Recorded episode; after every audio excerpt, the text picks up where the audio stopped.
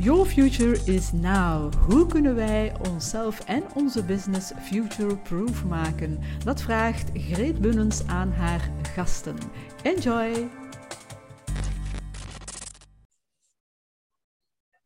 Alright, ik heb gehoord dat jij born ready bent. Always. Zelfs te vroeg, dus ik kon ah. zelfs daar al niet wachten. Dus, uh... ah. Welkom alleszins op onze podcast, Your Future is Now.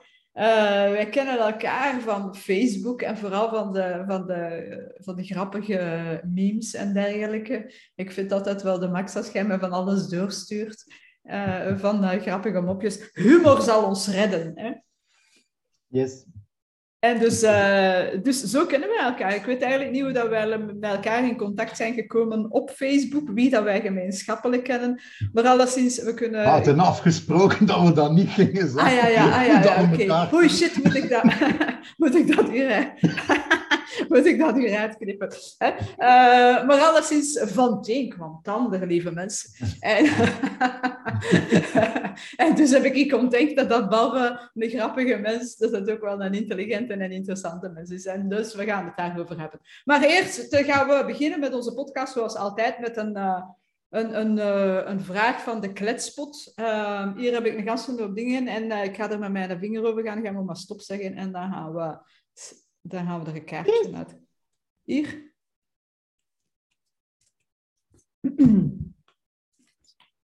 Uh, praat jij wel eens tegen jezelf als je alleen bent? Als ik mijn medicatie niet neem. Ja.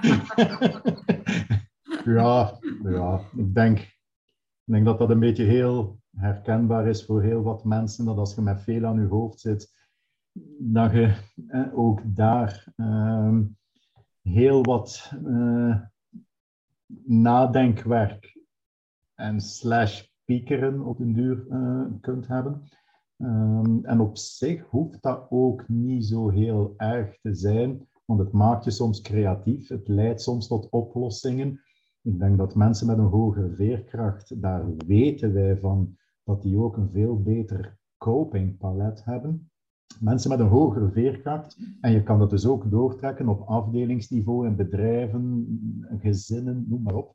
Maar wij merken heel duidelijk dat mensen met een hogere veerkracht, die hebben veel meer wat wij noemen een rationele copingstijl, waar de focus veel meer ligt op wat is hier nu eigenlijk het probleem, hoe kunnen we nu eigenlijk dat probleem oplossen. En dan komt men ook veel makkelijker tot een oplossing. Terwijl wij zien dat mensen en gezinnen en afdelingen en noem maar op, met een beduidend lagere veerkracht, daar zien wij dat die veel vaker een emotionele copingstijl hebben, waar de focus heel anders ligt, waar de focus veel meer ligt op ik voel me niet meer goed, dat is hier niet meer plezant, wat kan ik nu eigenlijk doen om mij beter te voelen?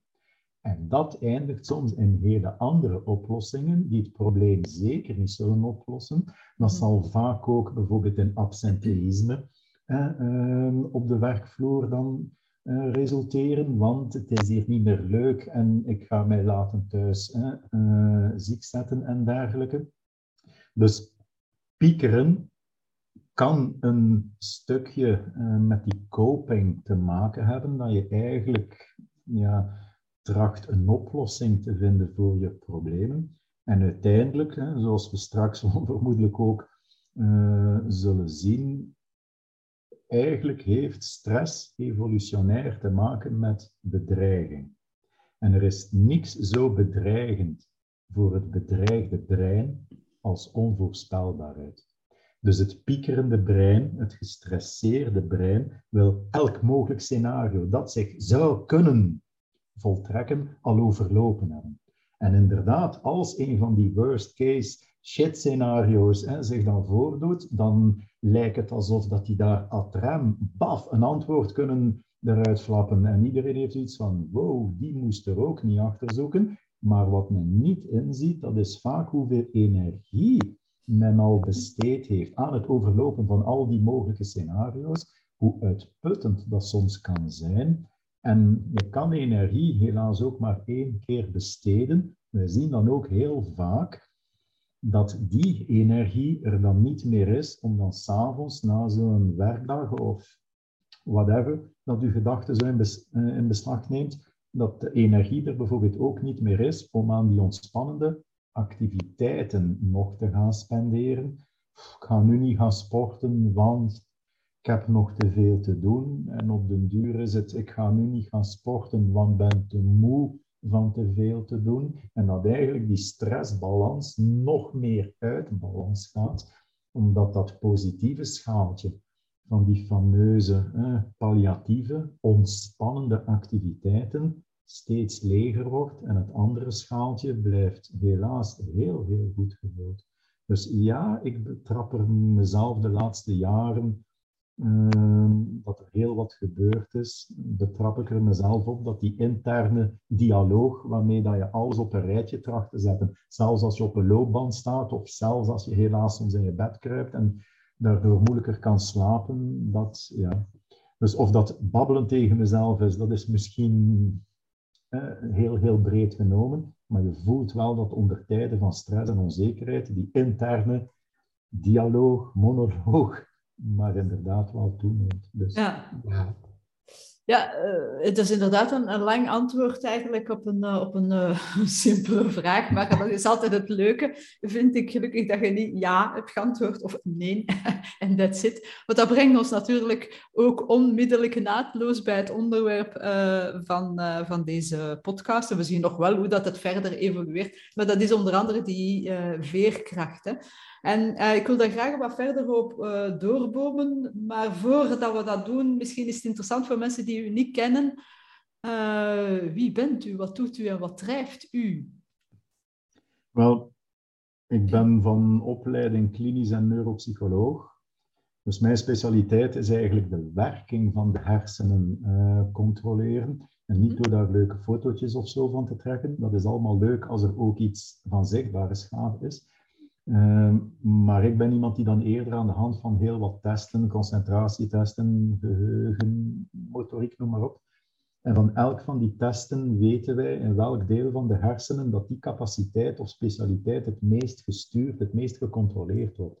Dus zo kunnen wij bij iemand, eh, door die resultaten dan te vergelijken met tabellen volgens leeftijd, geslaagd, opleidingsniveau, kunnen wij dus eigenlijk kijken of dat alles daar van boven een beetje marcheert uh, gelijk het zou moeten. En als wij zaken zien waarvan wij zeggen van oeh, dat is niet goed, dan kunnen wij dus kijken of dat altijd één bepaalde regio is die het minder goed doet. En of dat bijvoorbeeld in een bepaald profiel past. Zoals bijvoorbeeld burn-out, die we heel vaak uh, de laatste jaren doorverwezen krijgen. Beginnende dementie, schade na een ongeval, schade na een suïcidepoging, noem maar op. Dus dat is eigenlijk een beetje mijn achtergrond. Maar de laatste jaren, denk ik, Ehm, zeker sinds in 2007 mijn eerste meetschaal daar rond uitkwam. En dan het boek. en zo zit een stroomversnelling geraakt. Maar ik denk dat de meeste mensen mij inderdaad rond dat uh, veerkrachtverhaal beginnen kennen zijn. Met natuurlijk dat, uh, vooral dat ene gekende boekje. Ehm, maar ik ben ook de auteur van eigenlijk alle Nederlandstalige gevalideerde en genormeerde meetschalen om die mentale veerkracht te kunnen meten. En in die zin ben ik eigenlijk steeds meer betrokken geraakt bij heel wat studies om die mentale veerkracht te kunnen meten, uh, ook op de werkvloer, uh, om daar bijvoorbeeld burn-out risicotaxatie rond te kunnen doen, uh, suïcide risicotaxatie. En zo is eigenlijk die bekendheid, zeker in Nederland, maar ook hier, eigenlijk fors de lucht ingegaan door dat veerkrachtverhaal. Terwijl ik hier in Vlaanderen ook nog altijd heel wat aanvragen heb om zo lezingen over depressie, het geheugen, het menselijk brein, waar die achtergrond als neuropsycholoog nog veel meer in zit. Maar dat veerkrachtverhaal, ja, dat heeft nu zo'n vlucht genomen. En zeker van zodra men in bedrijven zoiets heeft van, ja, potverdorie, dat stressverhaal, dat is eigenlijk toch wel een ernstig verhaal we zouden daar iets rond willen doen, ook met een meting, ja, dan komt men heel snel natuurlijk uh, toch bij mij terecht. Mm Want ik denk, allee, sommige mensen uh, weten dat ik een paar jaar geleden zo'n beetje de kat de bel aangebonden heb, wat die die wildgroei van zelfverklaarde burn-out, goeroes en specialisten en coaching en wat dan ook betrof. Dat heeft me niet altijd veel vrienden opgeleverd, maar goed. Ehm, er zijn heel wat mensen, heel wat eh, BV's en wannabe BV's en dit en dat, die dan vaak met hun eigen eh, verhaal van hun burn-out en dit en dat eh, zeer dure lezingen geven. Maar als men dan nadien daar iets wil rond doen, ja, dan is dat... Ja, ik denk dat dat inderdaad ook het gevaar een beetje is. Uh, en ik kom daar heel veel tegen, want ik, ik, ik, ik omring mij blijkbaar ook wel door heel veel uh, coaches, therapeuten, eh, ook veel andere mensen, maar goed, ook veel coaches en therapeuten. En bij, bij burn-out merk ik vaak dat mensen um, dan het licht hebben gezien, hun geholpen geweest zijn door misschien een specialist ter zaken, mm. en dan zeggen, oh, ik wil dat ook doen maar die dan hun uh, ervarings, uh, die zich als ervaringsdeskundige uh, gaan profileren en die dan zeggen, ja kijk, doordat ik het meegemaakt heb, heb ik recht van spreken, bij wijze van spreken. Ja, terwijl, terwijl dat het natuurlijk niet is. Hè. Het maakt misschien het verhaal wat krachtiger in marketingtermen, wat dat we voor ons gesprek over mm. hadden, dat als je zelf dingen meemaakt, dan, is het, uh, dan, dan kan je soms echt vanuit uit, uit je eigen gevoel gaan spreken, uit je eigen ervaring gaan spreken. En dat kan het verhaal wat krachtiger maken. Maar goed, het is niet omdat je het meegemaakt hebt dat je daarom de specialist bent. Het is niet omdat je een hersentumor hebt gehad, dat je plotseling een brain surgeon bent. Hè? En, uh, en dat gaat de twee richtingen. Ik zeg ook vaak aan, aan, aan klanten van mij, uh, omdat uh, ik kan helpen bij een, personal brand en wat is hun expertise en hoe kan ik mijn expertise laten zien en, en, en horen en dergelijke. Daar help ik uh, ondernemers bij. En sommigen zijn dan wat bang en die zeggen, ja, maar ja, ben ik wel expert genoeg? Want ja, ik, heb het, ik heb dat ook allemaal niet meegemaakt. Ik zeg, ja, een chance dat, uh, dat, de, dat een brain surgeon dat niet uh, allemaal heeft meegemaakt, of dat een geschiedenisleraar uh, niet elke, elke oorlog heeft meegemaakt. Hè. Dus het, is, het, gaat ook die twee richtingen uit. Maar inderdaad, veel van die mensen zijn dan zelfverklaarde burn-out specialisten. en daar denk ik inderdaad dat je wel een punt hebt. En ik kan me inbeelden dat dat niet altijd in goede aarde is gevallen, maar dat dat toch wel een punt is dat je daar moet mee oppassen eh, het is niet omdat je het meegemaakt hebt dat je een specialist ter zaken bent om anderen dan daarmee te gaan helpen, laat ik het zo zeggen. Ik heb een, aan de lijve mogen ondervinden, ja, als je daar een stukje het probleem aankaart, dat heel wat mensen zich duidelijk bedreigd voelen in hun verdienmodel. Laten we een kat een kat noemen. Mhm. En dan, uh, ja, dan zie je hele vieze dingen uh, gebeuren. En toen de tijd was, uh, de onderzoeksjournalist van HLN. Uh, en dat is niet van uh, de minste. Ja, dat zijn gasten die de trucken van de voor kennen. Hè. Dus die was toen ook een artikel rond die burn-out coaches bezig. En wat doen die gasten? Die schrijven zich meteen in onder een valse naam op sommige van die burn-out fora. Maar ik kan u verzekeren, wat ik daar via hem te weten gekomen ben, daar word je stil van.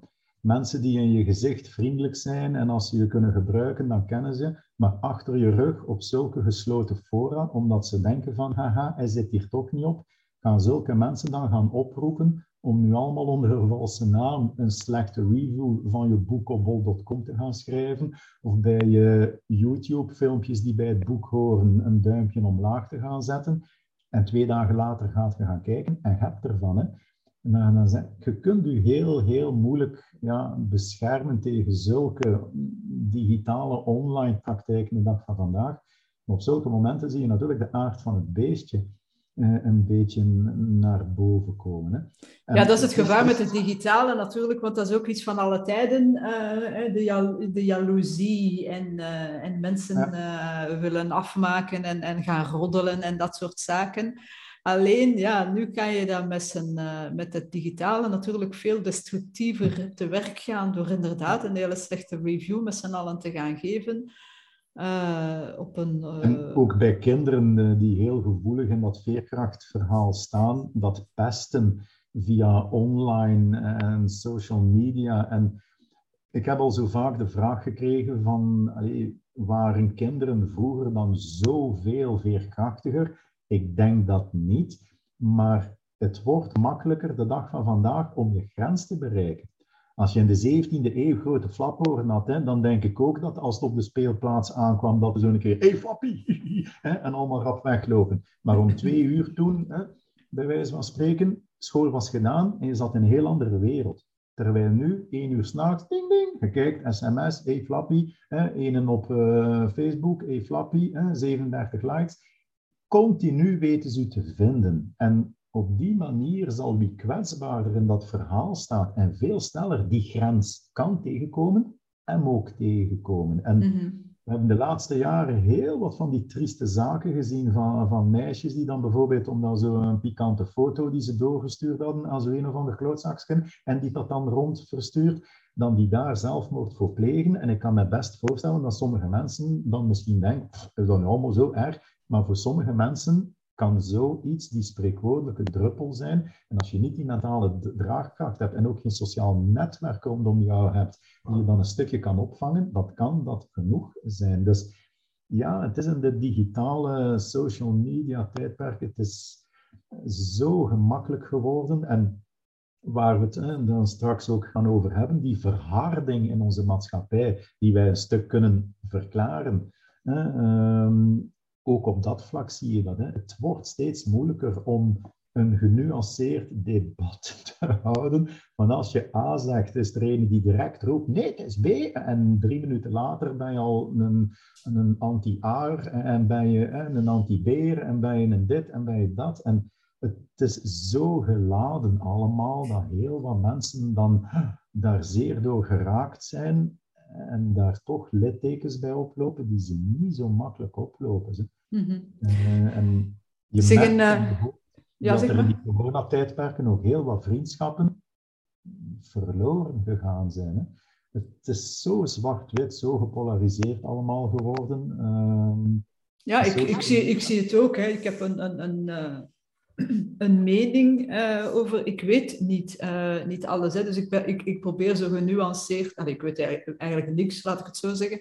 Uh, maar ik probeer altijd, daarom dat ik ook zo genuanceerd uh, mogelijk probeer te praten. En vooral veel dingen in, in vraag stellen. Mhm. Maar zelfs dan, uh, zelfs als ik een. ik heb vorig jaar in 2021 in, ergens rond deze periode, dus het begin van het jaar, heb ik ook eens een video opgenomen. Toen die eerste hetze begon met het vaccinatiegebeuren. En je begon die, die polarisatie te zien. Uh, voor en tegen, dat was nog in het hele begin. Ik denk dat er nog maar juist een vaccintje uit was. Maar dat begon al. En uh, toen had ik ook een video opgenomen, een Facebook Live was dat, met de boodschap van mannen, hè, uh, laat ons ons niet laten vangen door in twee kampen te gaan zitten. Uh, als, als we al over twee kampen moeten spreken, ik begrijp mhm. kamp 1 om die en die en die reden, ik begrijp kamp 2 om die en die en die reden. Dus er is altijd wel begrip en het is hoe dat je ernaar kijkt en laat ons begripvol naar elkaar kijken en, en met liefde naar elkaar kijken. Dus dat was eigenlijk een hele mooie boodschap waarin dat ik het woord liefde zelf een paar keer heb uitgesproken. Ik denk dat het ook de titel was. En toch had je toen ook mensen die, die daar heel negatief, uh, het, het, overgrote deel was positief gelukkig, maar toch een aantal mensen die ook daar negatief uh, praten, mm. allee, waren uh, en die dan zeiden, ja, je bent zelf aan het polariseren en je bent zelf niet liefdevol en dit en dat. En dan denk ik zo van, oh my god, ik, ik heb hier mijn hele hart en liefde in die video gesmeten. En toch zijn er nog altijd mensen die daar dan iets in zien, ja, dat, dat dan uh, niet, niet past in hun kraam, bij wijze van spreken, en die dan de nood voelen om... Ja, wel, maar het past helaas in het hele stress, fight or flight eh, verhaal. Het is heel belangrijk om op dezelfde golflengte te zitten waar we nu eh, in deze podcast het over hebben. Het is zo belangrijk dat men eigenlijk de ware origine van stress evolutionair goed kent. Evolutionair heeft stress te maken met bedreiging.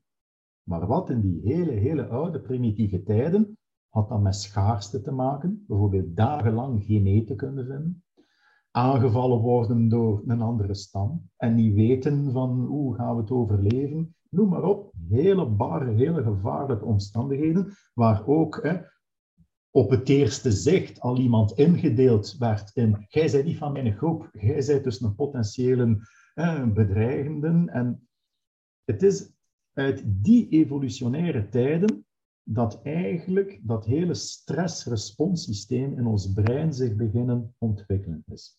En we hebben dus eigenlijk in het midden van onze kokosnoot daar van binnen, hebben wij dus eigenlijk iets wat wij het stressresponscentrum noemen, dat in dat emotionele deel van dat brein verweven zit, wat dus ook wil zeggen dat dat niet alleen in onze evolutie van soort, maar ook van embryo naar boorling naar volwassenen, wat rond die kernregio's zit, vlak boven dat verlengde ruggenmerg, zo die binnenste stukjes, dat zijn de oudste stukken die er voor ons als soort evolutionair al in zitten. En dat zijn ook de eerste stukken die klaar zijn van als we uit mama gevloekt komen. En daar zit dat emotionele brein.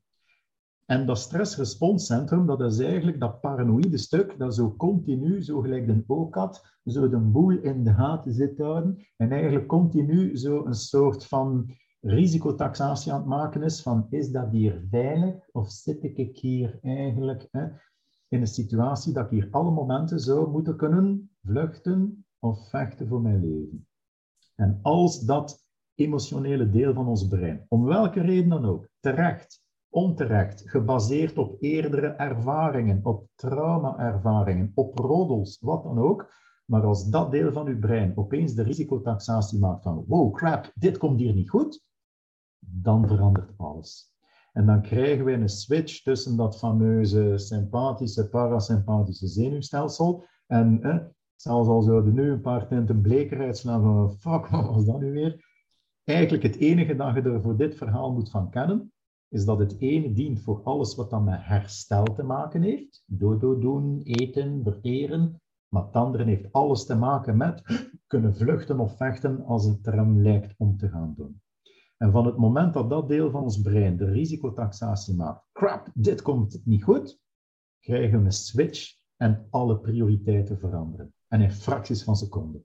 Dankzij stresshormonen zoals adrenaline, noradrenaline, insuline, tralala, wordt eigenlijk alles wat dat op dat moment niet belangrijk is, zoals bijvoorbeeld verteren, dat is nu geen prioriteit, gans die winkel wordt stilgelegd. Want dat bloed, om dat ingewikkeld maagsysteem te doen werken, dat kunnen we nu veel beter gebruiken in die enorm massieve beenspieren om beter te kunnen vluchten. Dus desnoods, al wat dan niet verteerd is en nog in die maag zit, smijt het er maar uit. Dus je ziet dat in een fractie van een seconde wordt gans dat lichaam optimaal voorbereid om uw overlevingskansen zo goed mogelijk te houden. En op zich is dat een fantastisch systeem. Maar er moet natuurlijk ook een hormoon zijn, een stof, die als het gevaar geweken is, daar van boven de boodschap geeft, uh, jongens, uh, het is weer voorbij, kom maar uit in een heftige state van fight or flight, uh, stop maar met gans dat adrenaline gedoe hier, we kunnen terug op ons plooi, op ons gemak, we kunnen terug naar herstel gaan. En dat sympathiek stofje is cortisol. Een van onze stresshormonen die dus eigenlijk ons dan terug naar rust moet brengen. Maar, dat is een fantastisch systeem, maar dat nooit de bedoeling had om uren en uren op een dag in trouw te moeten gaan. Dit was een systeem dat bedoeld was om in trouw te gaan als er heel uitzonderlijke, levensbedreigende situaties zich voordoen.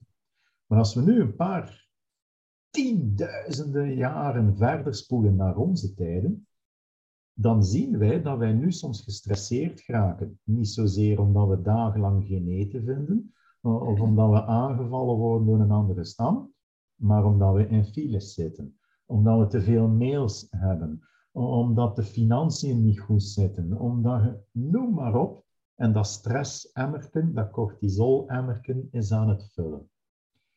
En daar krijgen we een hallucinant vieze rekening gepresenteerd.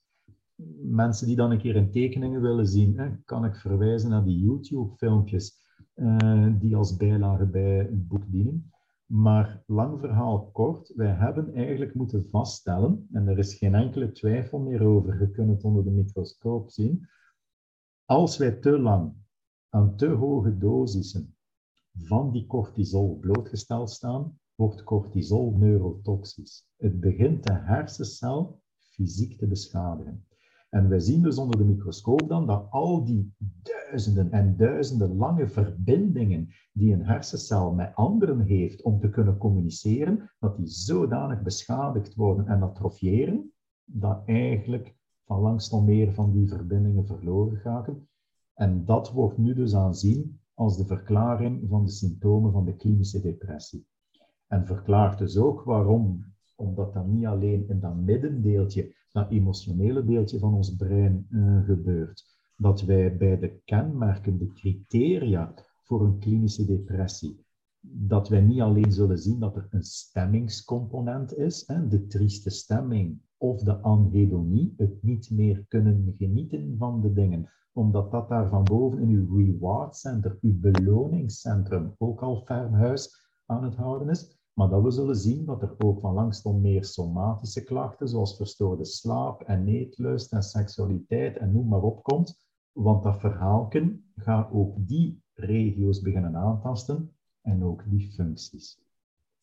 Maar wat is nu zo herkenbaar in die laatste twee coronajaren geweest? En de reden waarom heel wat mensen die het voordien eigenlijk nooit echt lastig gehad hebben, dat die plots schokken van, oh, maar wat is dat met mij? Ik voel gelijk mijn grens naderen.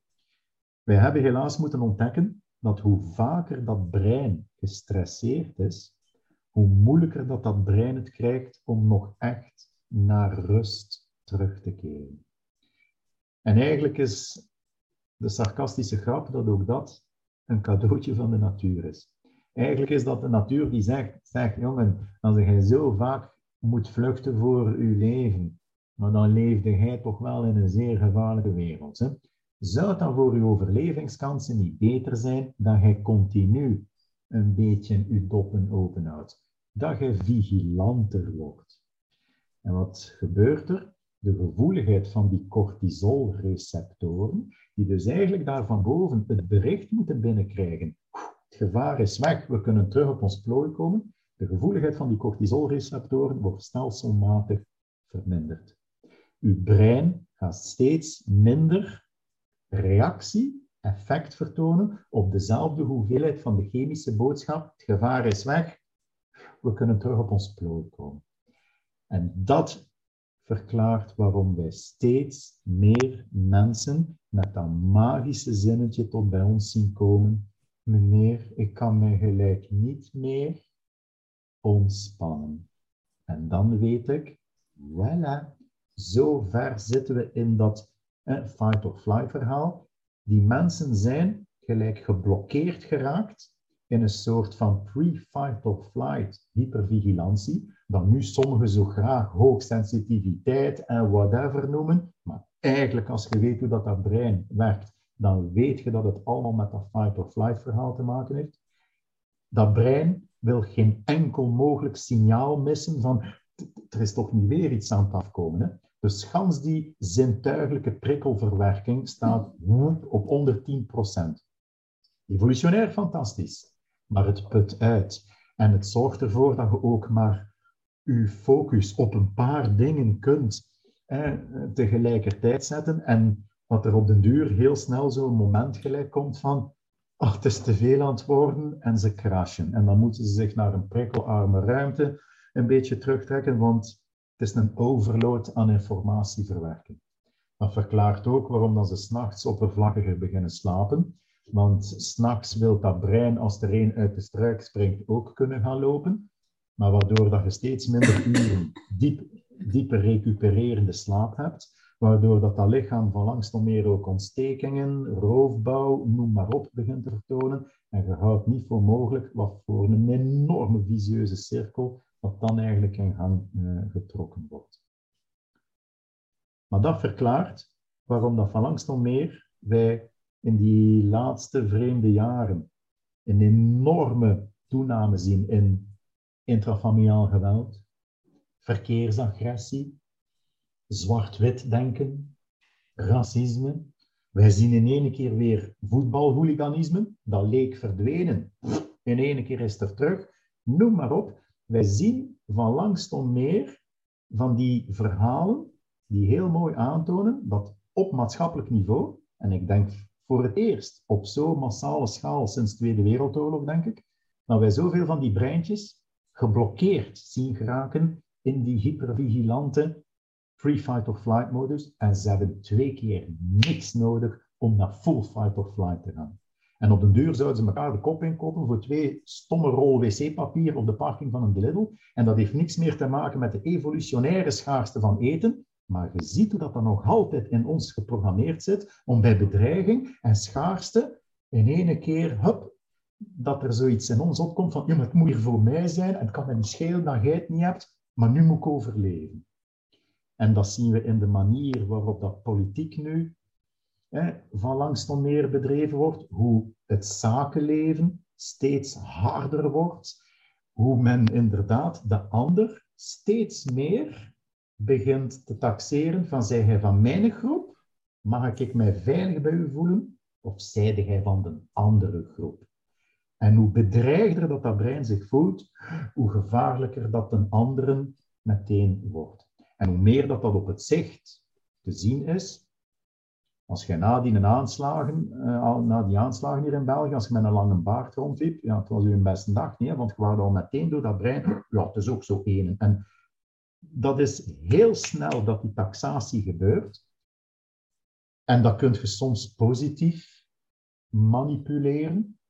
Als ik in de tijd met stagiairs leerde werken op die gesloten afdelingen in de rusthuizen bij zwaar dementeerden, dan zeg ik altijd, gastjes, never underestimate the power of the plastron. Ik ging bij die zwaar dementeerden altijd in kostuum gaan werken.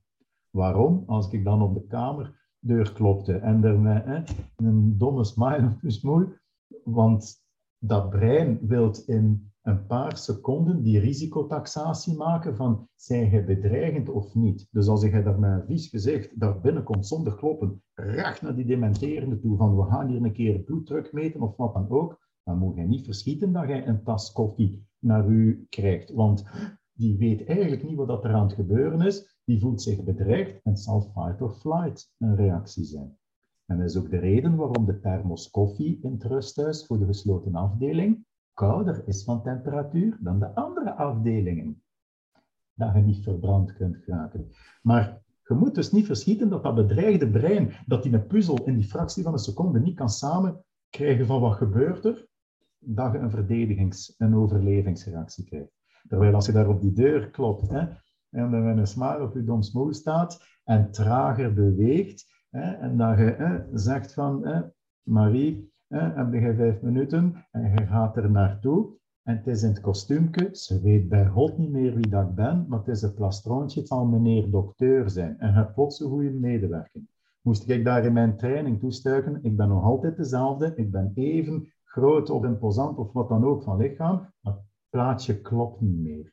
Dus je ziet zelfs bij die zwaar dementeerde breinen, hoe diep dat, dat in ons ingeworteld zit, om in een fractie van een seconde die risicotaxatie te maken van, zijn jij veilig of niet? En ook een kind dat bijvoorbeeld opgegroeid is in heel bedreigende omstandigheden, heel destructieve omstandigheden, je ziet dat brein is getraind. Dat brein hoort op de duur aan de manier dat de voordeur dicht gaat van ja, het is weer verkeerd, weg, weg, of ik heb er weer van. Maar dat zal voor de rest van het leven zijn dat dat erin zit.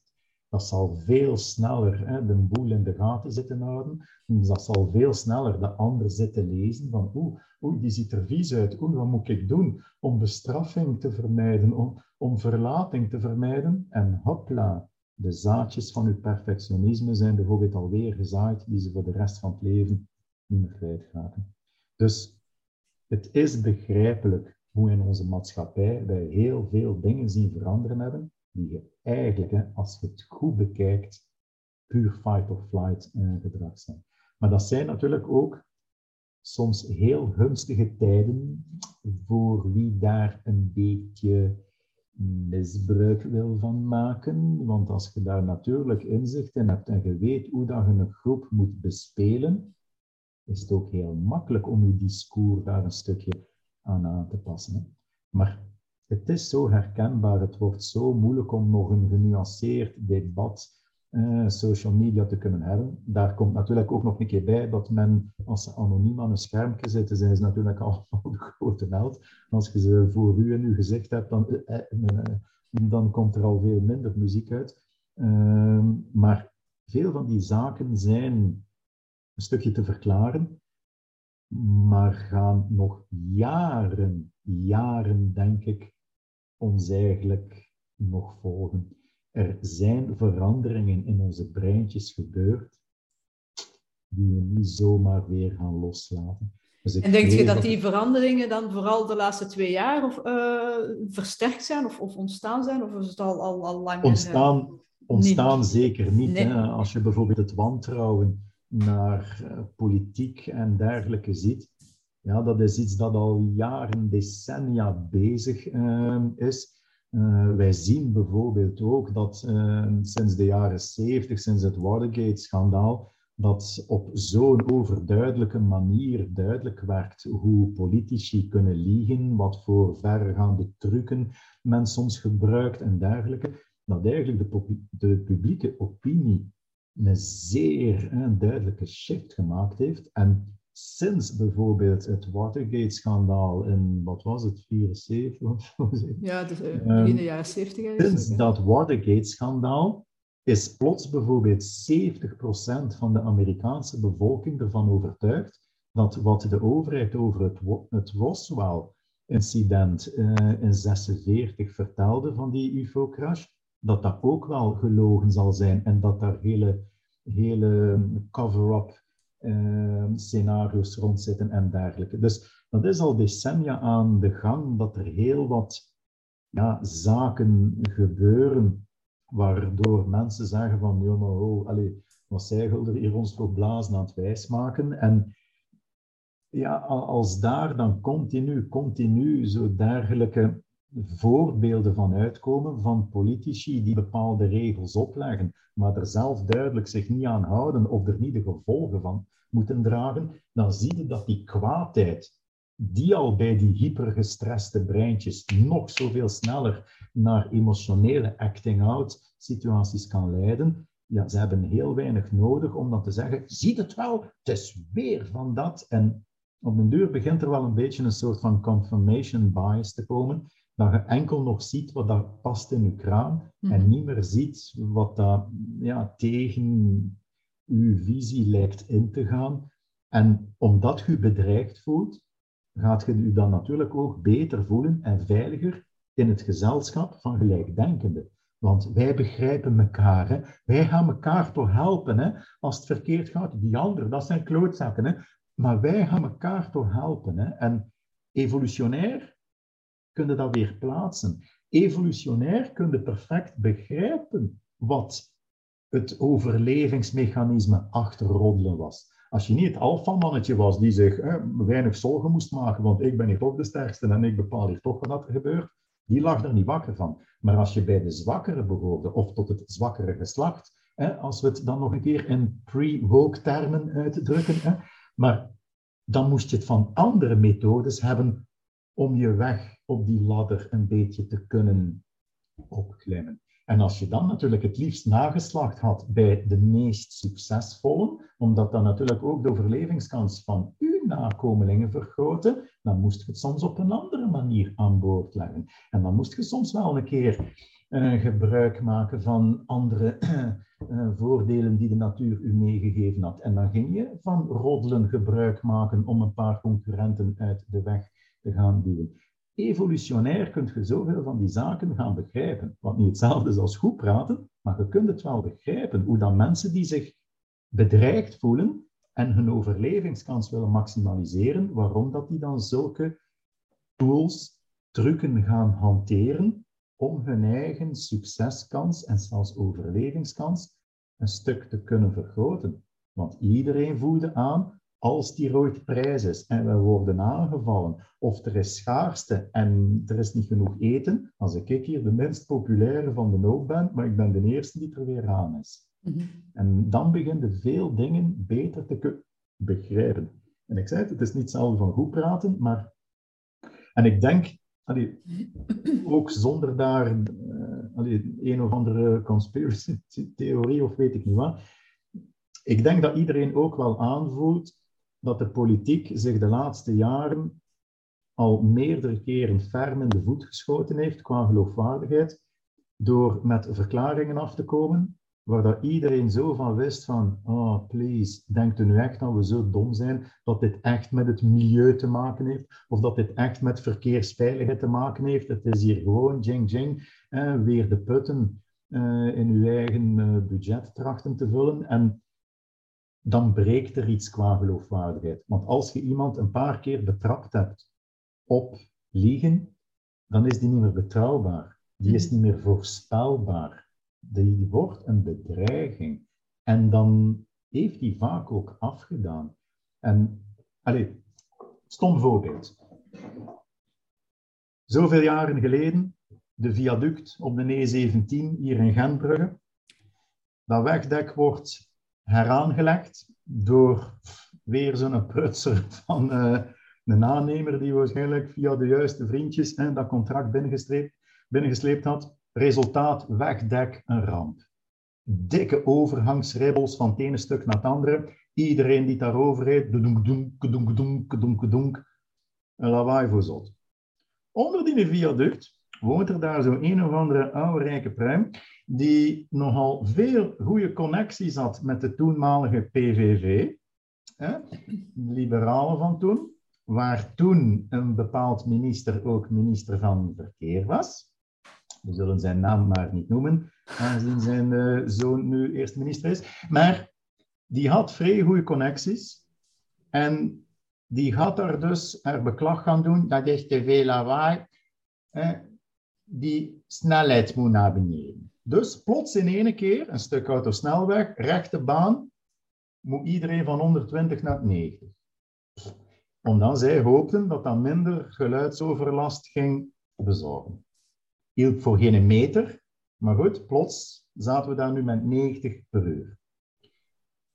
Daar heeft men dan, omdat iedereen daar natuurlijk schoon doorreed, want gevoeld op dat stuk rechte weg geen enkele aanleiding om van 120 nu naar 90 toe te gaan. Dus iedereen, la la la, daar vrolijk doorrijden. Plots wordt dat een proeftraject. Maar we weten al die proeftrajecten hoe definitief dat die in 99,9% van de gevallen zijn, wordt dat een proefproject voor trajectcontrole. 700.000 euro, hè? een enorm bedrag, maar op een paar maanden tijd was het al terugbetaald via de boetes. En plots, ah, ze iets heel interessants ontdekt. Wat is het resultaat? Dat wij nu overal, maar overal, van die trajectcontroles rond onze oren geslegen kregen, op stukken rechte baan, waar dat iedereen van aanvoelt. What the fuck, wat heeft dit hier nu met veiligheid te maken? Zeker s'nachts als je daar een weentje rijdt, maar kassa, kassa. Maar ondertussen wordt natuurlijk wel iedere keer verteld, het is voor verkeersveiligheid. Terwijl als je naar de statistieken gaat gaan kijken, hoeveel ongevallen zijn er op dat stuk baan ooit voordien gebeurd, dat dat eigenlijk te verwaarlozen was. En dan komen ze achteraf met statistieken af van kijk een keer, sinds we daar flitspalen gezet hebben, of sinds, sinds we daar trajectcontrole gedaan hebben, zijn er veel minder ongevallen gebeurd.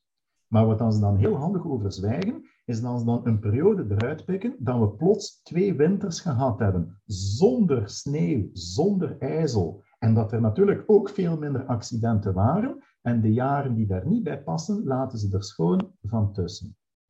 En een ander stukje van de grafiek die ze dan niet tonen, is dat er vlak voor die flitspaal of voor die trajectcontrole een massale stijging van accidenten is, omdat iedereen daar oh fuck, op zijn rem gaat gaan staan en bonk, ze zitten allemaal in elkaar schat. Dat stukje van de grafiek wordt ook niet getoond. Zo worden wij van langstom vaker eigenlijk gelijk een onnozelen behandeld en dan de trajectcontrole, die is op de E17 aan de grens van Frankrijk, was voor de terroristen na de aanslagen. Want die rijden natuurlijk allemaal met hun eigen auto de grens over. En die nummerplaten zijn allemaal al gekend natuurlijk. Met de grootste bullshit-verklaringen komen ze dan af. En dan moet je niet verschieten dat mensen op den duur zeggen van... Yeah, right, jongen. Dus... Ja, bij de, bij de, bij de, nu de afgelopen twee jaar uh, is het ook uh, dat uh, af het, ik, ik zei altijd, ik, hoeveel keer dat dan gezegd, ik zeg dat zijn Stedler en Waldorf van de, van de Muppet Show die dat bedacht hebben. Die zitten daar van boven in hun dingen te lachen met onze onnozelaars die, die dan volgen. Een van de beste was natuurlijk uh, dat we aan de raam moesten zitten als je naar, naar, naar, de zee. Maar wie, wie bedenkt het allemaal? Maar wat dat ik dan uh, bijzonder vind, en waarschijnlijk heb jij daar dan ook een goede verklaring voor. De meeste mensen hebben door van, ja, allez, dit is nu de meest belachelijke idee of, of, of maatregel die ze bedacht hebben. Het is totaal niet logisch en, en dit en dat. Maar goed, of dat het nu logisch is of niet logisch is, je hebt dan nog altijd veel brave burgers, de meeste die dan toch nog maar meegaan in de maatregel, want ja, ze kunnen niet anders of ze gaan een boete krijgen of het wordt dan met choose your battles, whatever.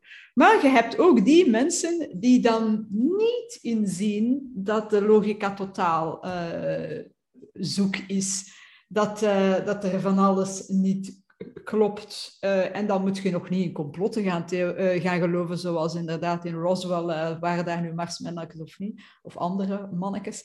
Ehm, maar soms is het ook, ook on, onbegrijpelijk, denk ik dan altijd van, hé, 1 plus 1 is 2. Oké, ook daar kunnen we een discussie over voeren. Maar goed, hè? 1 plus 1 is 2. Laat ons even dat houden. Hè? Want we kunnen over alles een discussie voeren. Maar goed, Hm? Dus 1 plus 1 is 2. Hoe kunnen mensen dat dan niet zien? Heeft dat daar dan ook mee te maken met dat, uh, met dat, met dat brein, dat, met de fight, flight, freeze of flock of uh, welk syndroom ook? Of is dat nog iets anders? Ik denk, dit is iets dat van zoveel factoren een stuk afhangt. Om maar, om terug, hoe cru het mogen klinken, om maar niet op zijn minst te zeggen dat daar vaak ook een intelligentieaspectje aan vasthangt. Maar goed, los nog daarvan.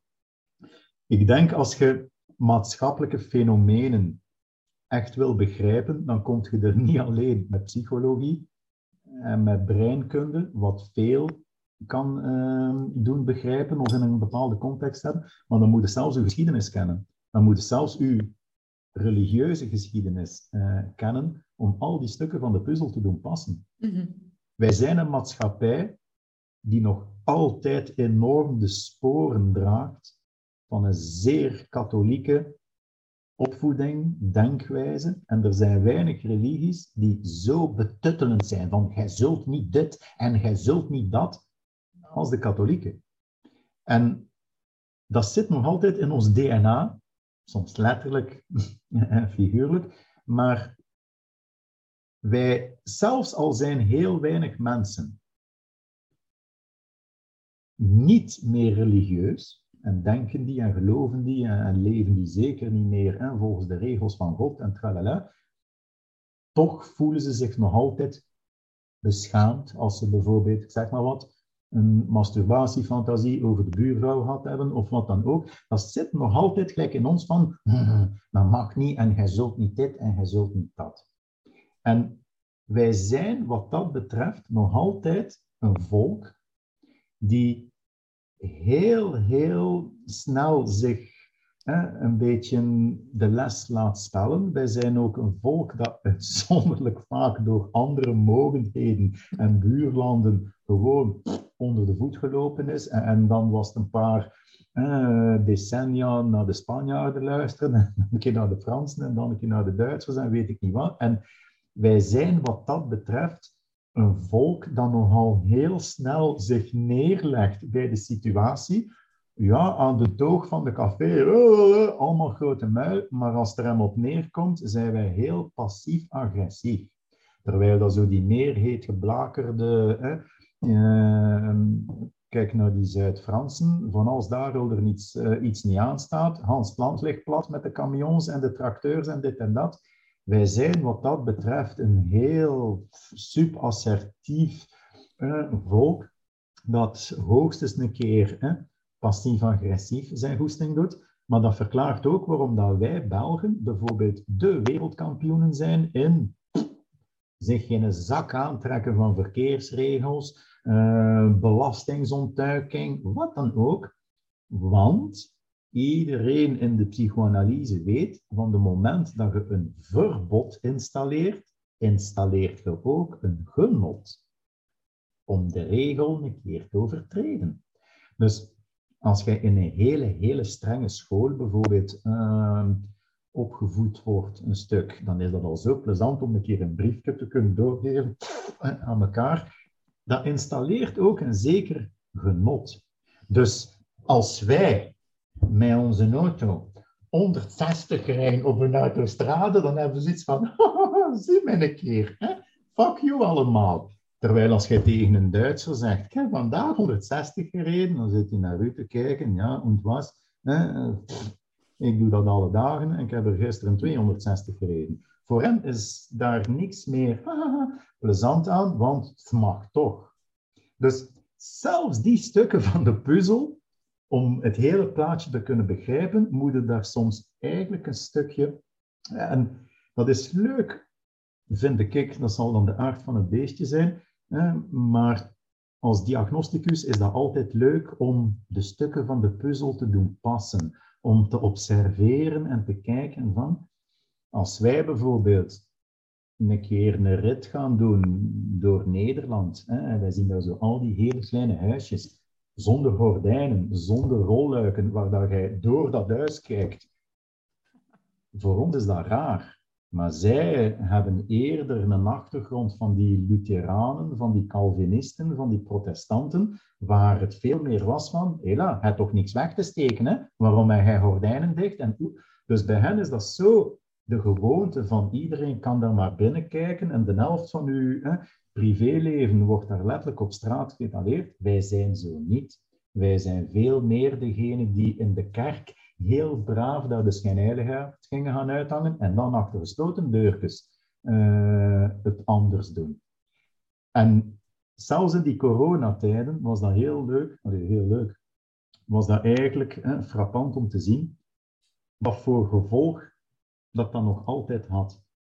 Een van de redenen waarom het in die coronatijden bij zoveel mensen verkeerd gegaan is, op bedrijfsvlak, eh, privé, zeker bij kwetsbare mensen, is dat eigenlijk de twee meest capabele clusters van wat wij dus die palliatieve activiteiten noemen. En veel mensen denken dan van je dan met die afdeling te zien, maar de oorspronkelijke betekenis van palliatief wil zeggen dat dat een activiteit is die er nog echt kan in slagen om uw gedachten een keer echt weg te trekken van uw piekergedachten, van hetgeen dat u verdrietig maakt, angstig maakt, wat we ook op een palliatieve afdeling trachten te bieden, maar het gaat veel ruimer.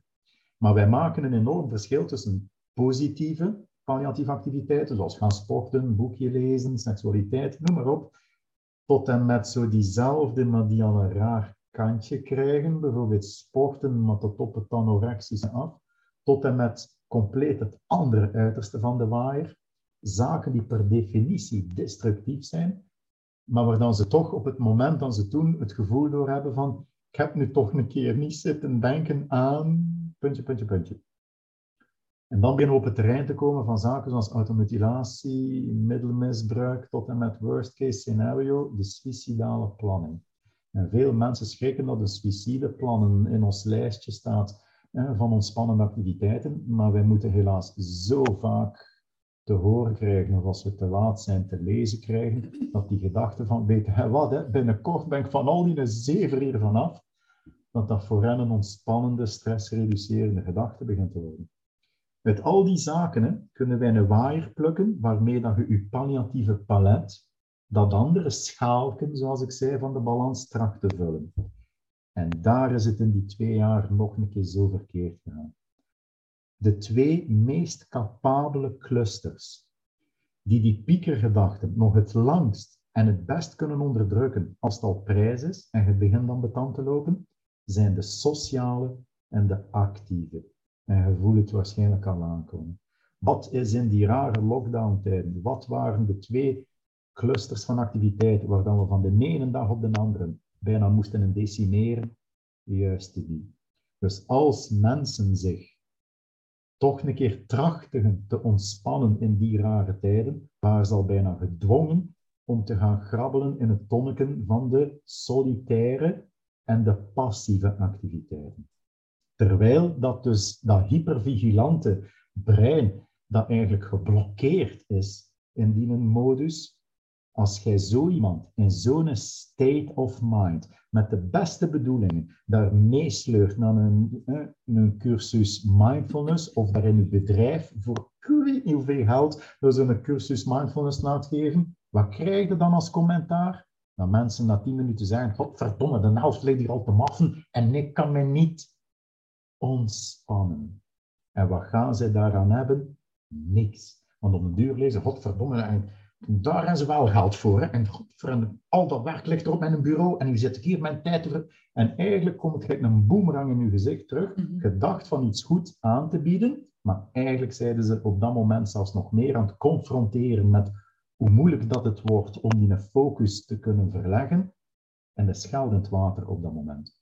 Op zulke momenten gaan wij veel meer duwen naar die sociale en die actieve activiteiten. En vooral actief in de zin van coördinatie. Als je ze dan een uur Zumba voor beginners, of gevechtsport, of karting, of kleiduifschieten, of wat dan ook aanbiedt, maar als ze met coördinatie bezig zijn, dan gaan we misschien eindelijk, na een half uur, ze nog een keer over zeggen, oh, ik heb nu een keer een half uur niet gedacht aan, puntje, puntje, puntje. En dat is wat dan veel mensen in die rare tijden kwijtgeraakt zijn. En als wij dan als Vlamingsken zeiden van, weet je waarom, fuck you, hè? ik ga ik toch met drie vriendinnen een keer een, klets, een koffieklets gaan doen, dan waren de verdorie op dat moment u toch nog altijd vaak zo aan het opjagen, het is toch dat niet uitkomt en dit en dat, dat je eigenlijk niet into the moment waart en dat eigenlijk dat moment, op dat moment weer niet echt palliatief voor jou was. Dus die aard van het beestje, dat wij vaak toch nog altijd bezig zijn met wat denken de anderen van ons en dat zit zo ingebakken en dat laat je niet zomaar op één generatie los. Hè. Mm herkenbaar. Ja, ja het, is, eh, het is inderdaad een boeiende materie uiteindelijk. En als je, in, als je kijkt hoe dat het in de laatste twee jaar uh, eraan toegegaan is, hè, uh, we gaan nog uh, van, de goede, van het goede geloof uit dat het niet bewust is, maar ze hebben eigenlijk bijna alles gedaan om het verkeerd te doen. Hè. Lockdowns, horeca, mensen mochten, mochten inderdaad niet gaan sporten. Eh, als ik in Frankrijk was, maar ja, ik, ik ben zo'n typische ongehoorzame burger die je daar beschrijft. Die, dus ik ging wel naar Frankrijk. Hè. Oei, oei, als ik dat nu zeg in mijn dingen, in mijn podcast. Maar goed, daar mocht je maar één kilometer rondom je huis gaan wandelen. Uiteraard gingen we ook dat niet doen. En gingen we wel gaan wandelen, omdat je in de natuur bent, met je honden gaan wandelen goed sporten, uh, frisse lucht inademen. Uh, oh, ik hoop dat dat frisse lucht is. Dus ja, voor mij was, was die afweging heel rap gemaakt. Of ik ga in, in een streek gaan wandelen met de, met, de, met, de, met de mensen die ik graag zie en met mijn honden die ik uh, graag zie. In de natuur, in het zonneke, weet ik veel wat, tegen de regels in. Of ik ga mij houden aan, die, uh, aan de regeltjes uh, om maar geen boete te krijgen. Ja, alle, dat, het was voor mij een no-brainer. Maar inderdaad, ik kan mij wel inbeelden dat heel veel mensen, dat dat voor heel veel mensen niet zomaar een no-brainer is. En dat die inderdaad wel gaan zeggen, ja, maar ik ga toch niet naar Frankrijk gaan. Of als ze daar toevallig zeiden, ik ga toch maar in die ene kilometer rondom het huis blijven. Hè? Ik denk dat we zeker in deze tijden, in deze vreemde tijden, hebben wij nog een keer zo mooi bewijs gezien wat angst met iemand kan doen. En zelfs op maatschappelijk uh, niveau kan doen. Hè. Mhm. Wij zijn een breintje dat evolutionair nog altijd getraind is om op bedreiging gepast te reageren. Hè.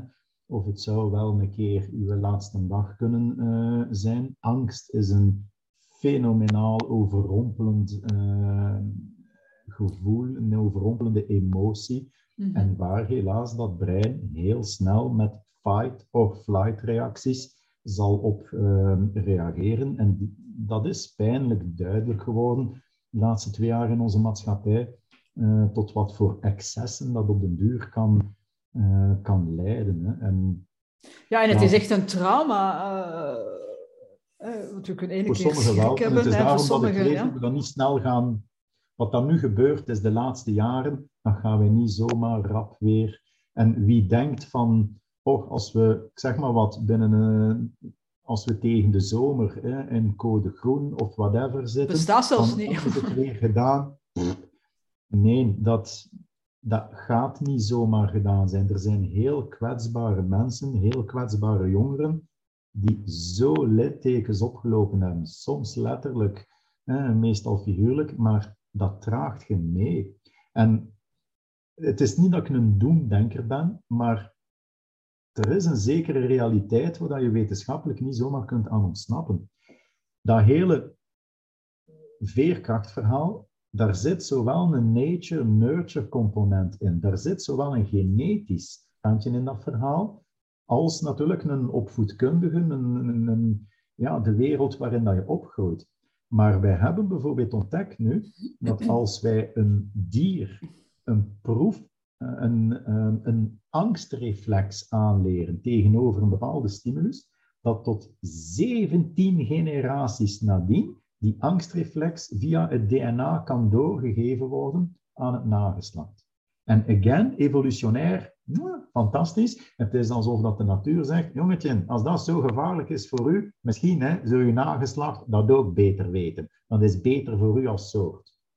Dus als wij bijvoorbeeld de Holocaust-overlevenden zien, die op dat moment van die heftige ervaring nog geen kinderen had, en hij krijgt nadien kinderen, dan zullen de breintjes van die kinderen anders reageren, heftiger reageren op stress, op bedreiging. Terwijl had hij die kinderen al op het moment van die ervaring, dan is dat weer een heel ander verhaal. Dus ik durf helaas beweren dat wij, wat wij de laatste twee, drie jaar, want we zijn er nog niet, wat wij op die drie jaar meemaken en wat, wat dat voor sommige mensen betekend heeft qua stress, qua angsten, dat gaat zelfs intergenerationeel zelfs een stuk kunnen meegedragen worden. En dat is niet fatalistisch, niet pessimistisch zijn, dit is gewoon een bezorgd realisme als je de wetenschappelijke studies bekijkt en als je weet wat de genetische invloed in dat hele stress- en veerkrachtverhaal heeft. Want we hebben het misschien nog niet zo duidelijk gezegd in ons uh, betoog nu, maar die veerkrachtscore die men dan op die meetschaal van mij behaalt, eigenlijk kan je dat vertalen als hoe snel dat dat brein in die fight-or-flight respons zal schieten. Hoe lager die veerkracht, hoe rapper dat brein zich bedreigd gaat voelen. Bij die hele laagscorers is zelfs al het anticiperen op wat zou kunnen verkeerd gaan al genoeg om in de paniek uh, te schieten. En evolutionair fantastisch, maar de rekening wordt cash betaald. Je gaat veel rapper in die cortisol-cascade komen, je gaat veel rapper die dendrietbeschadiging hebben. En daardoor word je dus kwetsbaarder om in dat burn-out en nog veel erger in dat klinisch depressief verhaal te komen. En mm -hmm. again, voor veel mensen, als ze die tekeningen in die YouTube-filmpjes dan eens zien, hoe die beschadigde dendrieten eruit zien, dan beginnen heel wat stukken heel pijnlijk eh, te passen. En gelukkig is dat geen definitieve schade. Je kunt nieuwe dendrieten doen groeien tot het letterlijk einde uh, van, van je leven, maar dan moet je natuurlijk wel de juiste dingen doen en de juiste dingen weten. Um, en daarom dat ik mij zo kwaad kan maken als ik, um, in die lockdown-tijden sommige experten, hè, uh, als ik die zo van die bullshit hoorde vertellen van wil je de beste manier om door hè, de lockdown te geraken, hè, maakt u binge-watch een lijstje van Netflix op en begint eraan, dat je dan zoiets hebt van seriously, kan jij nu echt... Wie heeft dat gezegd? Ja, uh, Allee, ja, een, een zeer goede uh, vriendin uh, van ons, een VUB-prof, waar dat iedereen al een bras mee gehad heeft en waar dat we ook van weten via welke connecties dat ze expert is. Maar als je zo bullshit hoort vertellen, dan hebben ze iets van, meen je dat nu? Maar ja, als je dan weet dat haar eigen bedrijf van die mindfulness cursussen en dergelijke aanbiedt, dan weten we wel waar het verdienmodel weer um, achter zit. Hè. Terwijl ja. je zoiets hebt van, dit is niet oké. Okay. Je weet, of je zou moeten weten, dat in deze tijden van die passieve zaken gedoemd zijn te mislukken, want het is gewoon kassa kassa. Mm daar... als we eens even eh, kijken naar de veerkracht en die meetschaal, kunnen dat in twee woorden uitleggen hoe dat je dat weet, of is dat een te ingewikkeld gegeven? Wel, uiteindelijk, stel nu, als men op de werkvloer vraagt van, ja, het is hier verkeerd aan het gaan, of we krijgen signalen, we zouden zo een burn-out risicotaxatie willen doen, dan gaan wij ehm, in wat wij de beperkte um, burn-out screening noemen, gaan wij eigenlijk met vier meetschalen aan de slag. Die veerkrachtschaal, die uiteraard kijkt hoe hoog dat je op die veerkracht gaat. Die palliatieve paletschaal, om een keer te kijken van wat heb jij de laatste maand nog allemaal aan die ontspannende activiteiten uh, gedaan. En het zal u weinig verwonderen, gezien wat we al gezegd hebben, dat we steeds meer in studies zien dat zeker bij hoogopgeleiden, die vaker al iets hoger scoren in veerkracht, want anders waren ze niet tot dat diploma gekomen. Als ik bij hoogopgeleiden die veerkrachtschaal moet gaan afnemen, dat is vrij zelden dat ik daar nog echt laagscorers zie. Hoe hoger dat je opleidingsniveau gaat, hoe minder kans dat die veerkrachtschaal het meest gaat bepalen wie het meest at risk is om het eerst in een burn-out te schieten als het op de werkvloer moeilijk begint te gaan. Maar als je dan een keer vraagt, wat heb je de laatste maand nog aan ontspannende activiteiten gedaan? daar vind je een stuk van de puzzel die bepaalt waarom het krak geworden is of dreigt krak te worden. En dat is ook de reden waarom sommige instanties, gelijk het Trimbos Instituut in Nederland of het NPDI, Nederlandse platform Duurzame Inzetbaarheid, dat die van langs nog meer hun leden aanraden om voor een goede, vroege risicotaxatie die meetschalen van mij er maar bij te gooien. Want het grote probleem is dat heel wat metingen die men soms doet op de werkvloer, zijn met vrij klassieke burn-out schalen, waar je al half comateus thuis moet liggen om in het rood te gaan. Terwijl dat wij als derde meetschaal ook een burn-out schaal gebruiken die ik ontwikkeld heb destijds voor Kobos, en waar wij ook naar die vroege 5 voor 12 signalen kijken. Beginnen er al meer van die maag-darmklachten bijvoorbeeld te kijken? Ehm, begint er al bore-out gedrag te komen? Dat je eigenlijk de wereldkampioen patiënt aan het worden bent op je werk. Want eigenlijk heb je geen goesting om met dat werk nog bezig. En allemaal van die hele verdachte signalen, maar waardoor we iemand heel vroeg al kunnen in de 5 voor 12 risicozone zetten. En het is een stokpaardje van mij, maar ik ben er nog altijd heilig van overtuigd dat als je het echt meent met, sociaal wel, eh, met mentaal welzijn op je werkvloer, dat je niet moet blind staren op je absenteïsmecijfers, die heel makkelijk zichtbaar zijn, maar dan zit al een brug te ver, maar dat je meer moet kijken naar je presenteïsme. Presenteïsme, ja. Dat je eigenlijk nog op die werkvloer rondloopt, maar eigenlijk, hè, zij de al ziekte noemen. Ja, ja. En die kunnen wij heel mooi er al uitpikken door bijvoorbeeld te kijken van wat doe je nog aan die ontspanningen, uh, naar die 5 voor 12 signalen op mijn burn-out schaal. En de vierde schaal die wij afnemen sinds een paar jaar is een perfectionisme schaal. Want oeh, maar daar vinden wij heel vaak nog een ontbrekend stukje van de puzzel die heel mooi het verhaaltje uh, doet passen. Dus op die manier kunnen wij eigenlijk op een vrij vroege fase, kunnen wij eigenlijk iemand al een beetje in die risicozone plaatsen. En de manier waarop wij meestal te werk gaan, is dat ik het advies geef, geef er een verplicht karakter aan om mee te doen. Want als je het niet doet, kan ik u al voorspellen wie dan meedoet en wie niet. Uw hoogscoders en veerkracht doen mee, en uw laagscoders zijn in één keer mysterieus allemaal verdwenen. Dus als je werkelijk de zwakkere schakels, de kwetsbaardere schakels in je bedrijf ook in kaart wil brengen, ja, dan is het maar beter om iedereen, ook poetspersoneel, noem maar op, hè, neem ze maar mee. En dan zie je weer alle mogelijke veerkrachtscores de revue passeren, maar helaas ook alle mogelijke cliché uh, correlaties die we dan vaak zien qua coping, qua beschadigend palliatief gedrag noem maar op. Maar we werken wel anoniem, want anders durft niemand de waarheid schrijven. Mhm. We werken echter wel met, meestal met een codesysteem. dat er één iemand binnen het bedrijf weet wie dat nummer 116 is en wie dat nummer 227 is. Ik weet dat niet. Ik zie enkel maar een nummer op die vragenlijsten staan. Maar ik houd niet voor mogelijkheid hoe vaak dat we situaties meekomen, tegenkomen, dat ik resultaten zie waarvan we zeggen, vaak, als hier niet ingegrepen wordt, dit gaat heel vies kunnen eindigen. Waar alle toeters en bellen van het suïcide alarm afgaan, want als bepaalde combinaties van scores aanwezig zijn, dan gaat zelfs het suïcide alarm uh, af. En je houdt niet voor mogelijk hoe vaak dat we dat tegenkomen.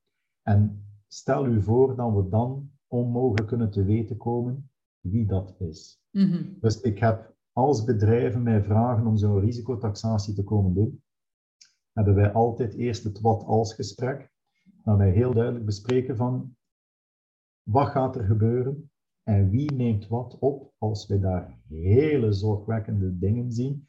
Gaat dat intern opgevolgd worden? Is dat extern? Moet ik daar een stuk nog een faciliterende rol? Maar dat we heel duidelijk afspreken, als er hier weer van die hele schijnende dingen naar boven komen, wat wordt daarmee gedaan? En dat we niet terug meemaken dat er niks mee gedaan wordt. Mhm. En allee, om u maar een keer te illustreren, hè, toen een paar jaar geleden, toen ik eh, met de mensen van het kabinet welzijn van Van Deurzen, toen nog een zeer betrokken man was op dat vlak, ehm, als ik de eerste gesprekken had met hen om dus die fameuze fit in je hoofd website voor hen te maken, waar dus die, die veerkrachtschaal en die palliatieve paletschaal van mij gebruikt hebben. Mhm. Ik heb hem toen het voorstel gedaan van zouden we daar geen suïcide alarm in steken? En het antwoord dat ik toen kreeg van het kabinet welzijn was, maar meneer Potski, zeg je niet een beetje te veel bevooroordeeld door vaak met psychiatrische patiënten te werken? Dit is wel een website voor gezonde mensen hè, die een beetje informatie willen. Ik dacht in mijn eigen van, gaat nog graag opkijken.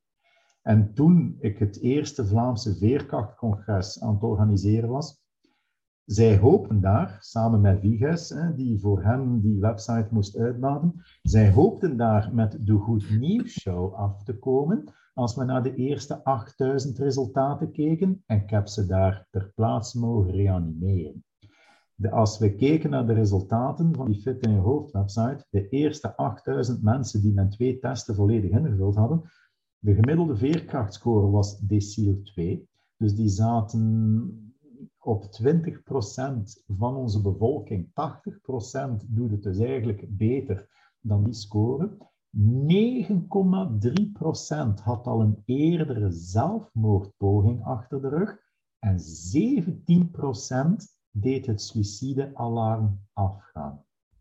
En de vergadering is stopgezet omdat het kabinet welzijn ervan overtuigd was dat er een meetfout moest zitten in het programma.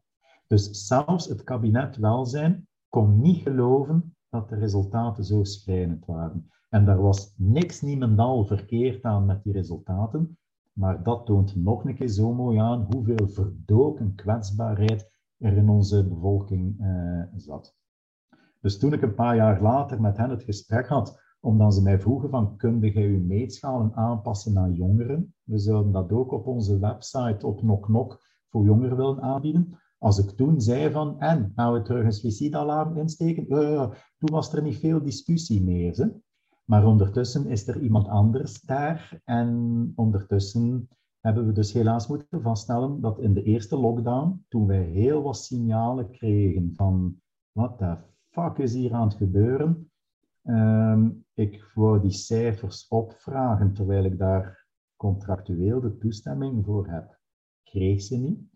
Ook die een onderzoeksjournalist van het laatste nieuws kreeg ze niet. Dus die is daar beginnen dreigen met van alles en nog wat, van ja, maar wat is dat hier? En openbaarheid van, en noem maar op. Dus na heel wat zagen hebben wij uiteindelijk die resultaten te pakken gekregen. Bleek dat op 10.000 jongeren die met een jongere veerkrachtschaal op die website van Nok Nok ingevuld hadden, dat 27% het suïcide alarm doet afgaan. En Bij de jongeren is het zelfs zo dat als dat suïcidealarm afgaat, dan stopt het op die website en kunnen ze onmiddellijk door op een knop te drukken in gesprek komen met iemand van de zelfmoordlijn of teleonthaal, omdat we het zo zorgwekkend vinden. 27% van de jongeren heeft in de eerste lockdown dat alarm doen afgaan. En er was een spreekverbod uitgevaardigd vanuit het kabinet welzijn. Er mocht niet over die cijfers gecommuniceerd worden. En zo wordt het spel meer en meer gespeeld. Als we ook maar iets durft vertellen dat als kritiek zou kunnen naar hun terugkomen door een besparingsbeleid of wat dan ook. Nee, nee, moet zwijgen. En als je stout bent en je doet een bek open, dan zij het jaar nadien je subsidies kwijt. Mm. En zo wordt het spel gespeeld. Dus na lang dreigen en zagen en dit en dat, heeft Figes dan uiteindelijk toch die cijfers vrijgegeven en nu zijn ze de subsidies kwijt. Voilà. En mm. mogen ze iedereen daar ontslaan. Dus zei, dit is zo wraakroepend als je soms ziet hoe het achter de schermen er werkelijk aan toe gaat. Dan zie je sommige van die ministers daar met een schijnheilig daar op een rode neuzen actiedag, waar dat we in zo'n rijk land, waar dat we een paar miljard aan straaljagers kunnen uitgeven, moeten we daar staan bedelen om voor jonge kwetsbare mensen één, twee jaar een projectje te kunnen financieren. En dan staan ze dan wel waarschijnlijk mooi met een cheque te zwaaien, die eigenlijk al het budget is dat dat jaar ingecalculeerd zat. Mensen denken dat dat een extraatje is. dan is hetgeen dat je dat jaar al voorzien ging gaan krijgen. En dan denkt je nu eigen van, god Mhm. En dan zie je dat er dan iemand daar zelfmoord pleegt. Hè. Een jong meisje op een kerkhof in Gentbrugge, nadat ze daar hè, uh, verkracht geweest is. Hè. Dan zie je daar, hè, you know who, uh, daar hè, een nieuws. Ja, ik sta hier omdat ik zelf drie dochters heb in dit erf vind. En dan heb je eigenlijk goesting om te zeggen van, kijk man, alleen het feit dat je vader van drie dochters bent, je zou nog meer een klets in je smoel verdienen, want jij bent deel van het systeem die dit in stand houdt door onderfinanciering van mentale zorg en dergelijke. En die wel voor die straaljagers een paar miljard en dit en dat. En dat zijn allemaal zo van die kwaadheden die dan natuurlijk ervoor zorgen dat de geloofwaardigheid van sommige van die mensen ja, steeds minder wordt. En dat op den duur, als zo iemand iets zegt, dat op den duur zo al iets zegt van, ja, eh, zevert nog een beetje het past allemaal in de bigger picture, uh, helaas. Ja, absoluut. Ja, uh, allee, inderdaad. Hè. Dus, en ik denk dat de laatste twee jaar ook wel heel veel uh, blootgelegd hebben. Van, allee, waar dat mensen al een, een wantrouwen hadden ten opzichte mhm. van um, journalisten of van um, politici of van weet ik veel wat, is het alleen maar erger en erger geworden, uh, denk ik. Zeker de laatste twee jaar, omdat we toch wel gezien hebben, jij sprak daar juist over een, een, een debat voeren. Ja, het debat is, is, is, uh, is quasi niet, niet mogelijk. En dus gaat men zijn heil zoeken in alternatieve uh, kanalen zoals social media, maar die ook niet altijd... als het ook een stukje gemanipuleerd wordt. Hè? Want allee, ik weet dus via via, ik mocht dat niet weten, dat wel maar bij sommige duidingsprogramma's van de VRT bleek ik op de zwarte lijst te staan. Van die mogen niet uitnodigen, omdat ze schrik hebben dat ik in mijn gedacht zou zeggen. En dan een keer de werkelijke historie achter sommige zaken zou vertellen. Hè. Dus ja, word je dan zo'n stukje gediscrediteerd van, uh, ja, die moet je niet uitnodigen. Dus ja, wie dat braaf meegaat in het verhaal, die mag uh, uitgenodigd worden. Maar diegenen waar dan ze schrik van hebben van oei, die is niet gebonden aan een of andere universiteit of een organisatie. We kunnen die niet eigenlijk in het gareel houden met subsidies af te pakken. Die zou wel een keer zijn gedacht durven zeggen. Dan zijn het te gevaarlijk. Hè? Ja. Dus ja, het is wat het is. Hè. Mhm. Ehm, en soms voel je je zo'n beetje een Don Quixote die tegen de windmolens aan het vechten is. Maar uiteindelijk, hè, allee, ik wil, u, ik wil nu niet naar zo'n medaille voor uh, zelfopoffering zitten hangen of wat dan ook. Maar ik kan u verzekeren, Greet, de mails die je soms binnenkrijgt van mensen die u willen bedanken, omdat je toch het voor hen durft opnemen hebt, omdat je toch een keer de waarheid durven schrijven of zeggen hebt, dan pas beseft je weer met wat dat je echt bezig bent. En mhm. dat je soms, zonder dat je het beseft, je kent die mensen niet, je hebt die nooit gezien, maar dat je soms een verschil maakt in iemand zijn leven, ik kan u verzekeren, als je zo van die mails krijgt van mensen die zeggen van door wat ik in uw boek gelezen heb, heb ik die een dag geen zelfmoord gepleegd. En dus iets uh, oké. Ehm, dat is iedere keer weer zo'n wake-up call van, ah fuck, maar allez, je bent met zoveel meer bezig dan je boterham verdienen. Bij mensen die je soms niet eens kent. En dat is soms een heel raar gevoel, maar dat zorgt er ook voor dat je dan zoiets hebt van, blijf beseffen wat je mee bezig bent, blijf ook beseffen voor wie dat je het soms aan het opnemen bent. En dat we het echt, ja, soms zeker in mijn branche, maar dat we het voor heel, heel kwetsbare mensen moeten opnemen, die zelf absoluut de assertiviteit niet hebben om voor zichzelf op te komen. En een zeer makkelijke groep zijn om een beetje opzij te schuiven als het dan om de budget- en de begrotingsgesprekken en dergelijke uh, gaat. En ja, als er een keer iets heel, heel triest gebeurt, dan, dan gaan ze zo een druppel op een te plaat en nou, we gaan nu weer een paar, een paar extra crisisbedden gaan vrijmaken. Nou, dus te weten hoe lang dat die wachtlijsten zijn. Hè. Het is, ja, het is mhm. een schone schijnoperatie. En de toekomst ziet er nu ook niet direct uh, zo fameus uit. Uh, want we hebben het daar straks al gehad, ja, wat dat we de afgelopen allee, twee jaar of deze drie jaar meemaken, dat gaat blijven uh, voortdijnen in volgende generaties. Maar ook puur in deze generatie, uh, deze generatie ook, als we gaan kijken naar, we hebben het er al eens uh, over gehad ervoor, als we gaan kijken naar faillissementen en welzijn, hè, voor mensen die die, die de klap nog moeten krijgen, denk ik hmm. dan. Hè? Dus uh, daar, uh, daar staan wij toch ook wel voor een, voor een uitdagende tijd. it's only just begun, hè, bij wijze van spreken. En die ook ehm, heel geminimaliseerd wordt. Hè? Um, ik merk soms iets te vaak dat men in politieke hoek en sommige andere hoeken, dat men zoiets heeft van, och, tegen van de zomer is dat allemaal voorbij. Ja, right voor mensen die financieel heel getroffen zijn. En het is daarom dat ik me soms zo kwaad kan maken ook. En zo sommige van die onnozele commentaren die je dan hoort. Hè, van we zitten allemaal in hetzelfde bootje. Nee, we zitten niet in hetzelfde bootje. We zitten in dezelfde storm. Maar jij zit in een luxe cruise die hè, met je parlementair inkomen van 11.000 euro betaald wordt. En veel van ons zitten in een opblaasbootje dat veel meer de deiningen zal voelen en die het waarschijnlijk niet gaan halen. En ik vind dat zo roepend dan diegenen die het luidste staan te roepen van oh, ieder, het is voor iedereen hetzelfde en we moeten ons allemaal aan de regels houden, dan dat wel degenen zijn die er financieel niks van last van ondervonden hebben.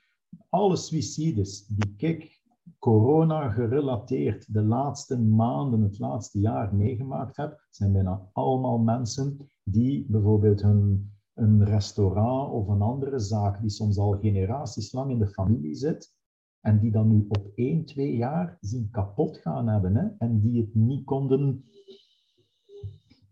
verkroppen en die suïcide gepleegd hebben. Um, dus wij weten eigenlijk uit de vorige twee bankcrisissen, die nog niet zo heel lang geleden zijn, dat de piek van de psychische impact Zelfs de suïcidepiek komt twee jaar na de economische crisis.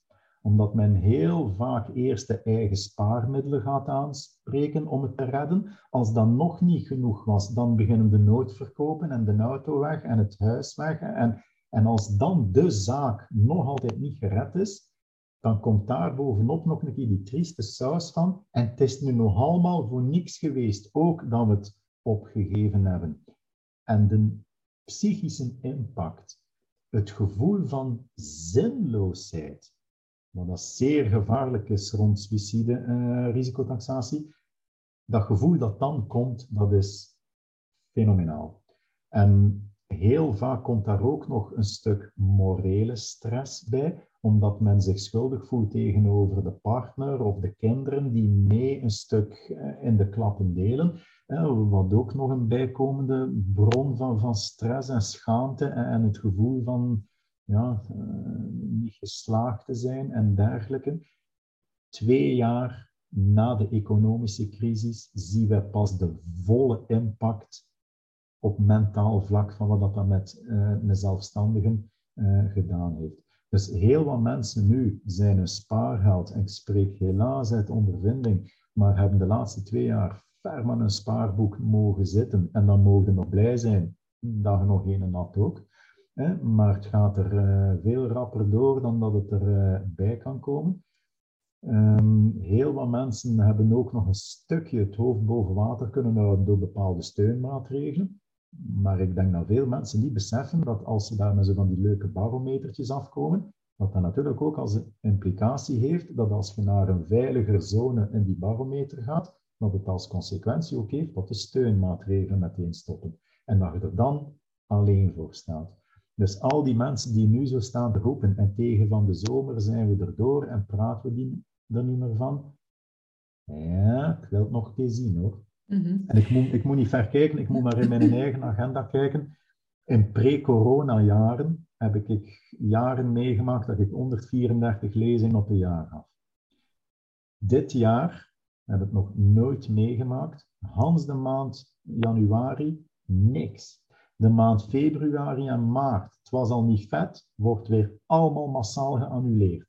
Ik heb nu op dit moment al meer lezingen geboekt staan voor het einde van het jaar dan eigenlijk voor de eerste helft van het jaar. En daar wordt nog een keer het grootste deel van geannuleerd. Dat heb ik in tijden niet meer meegemaakt.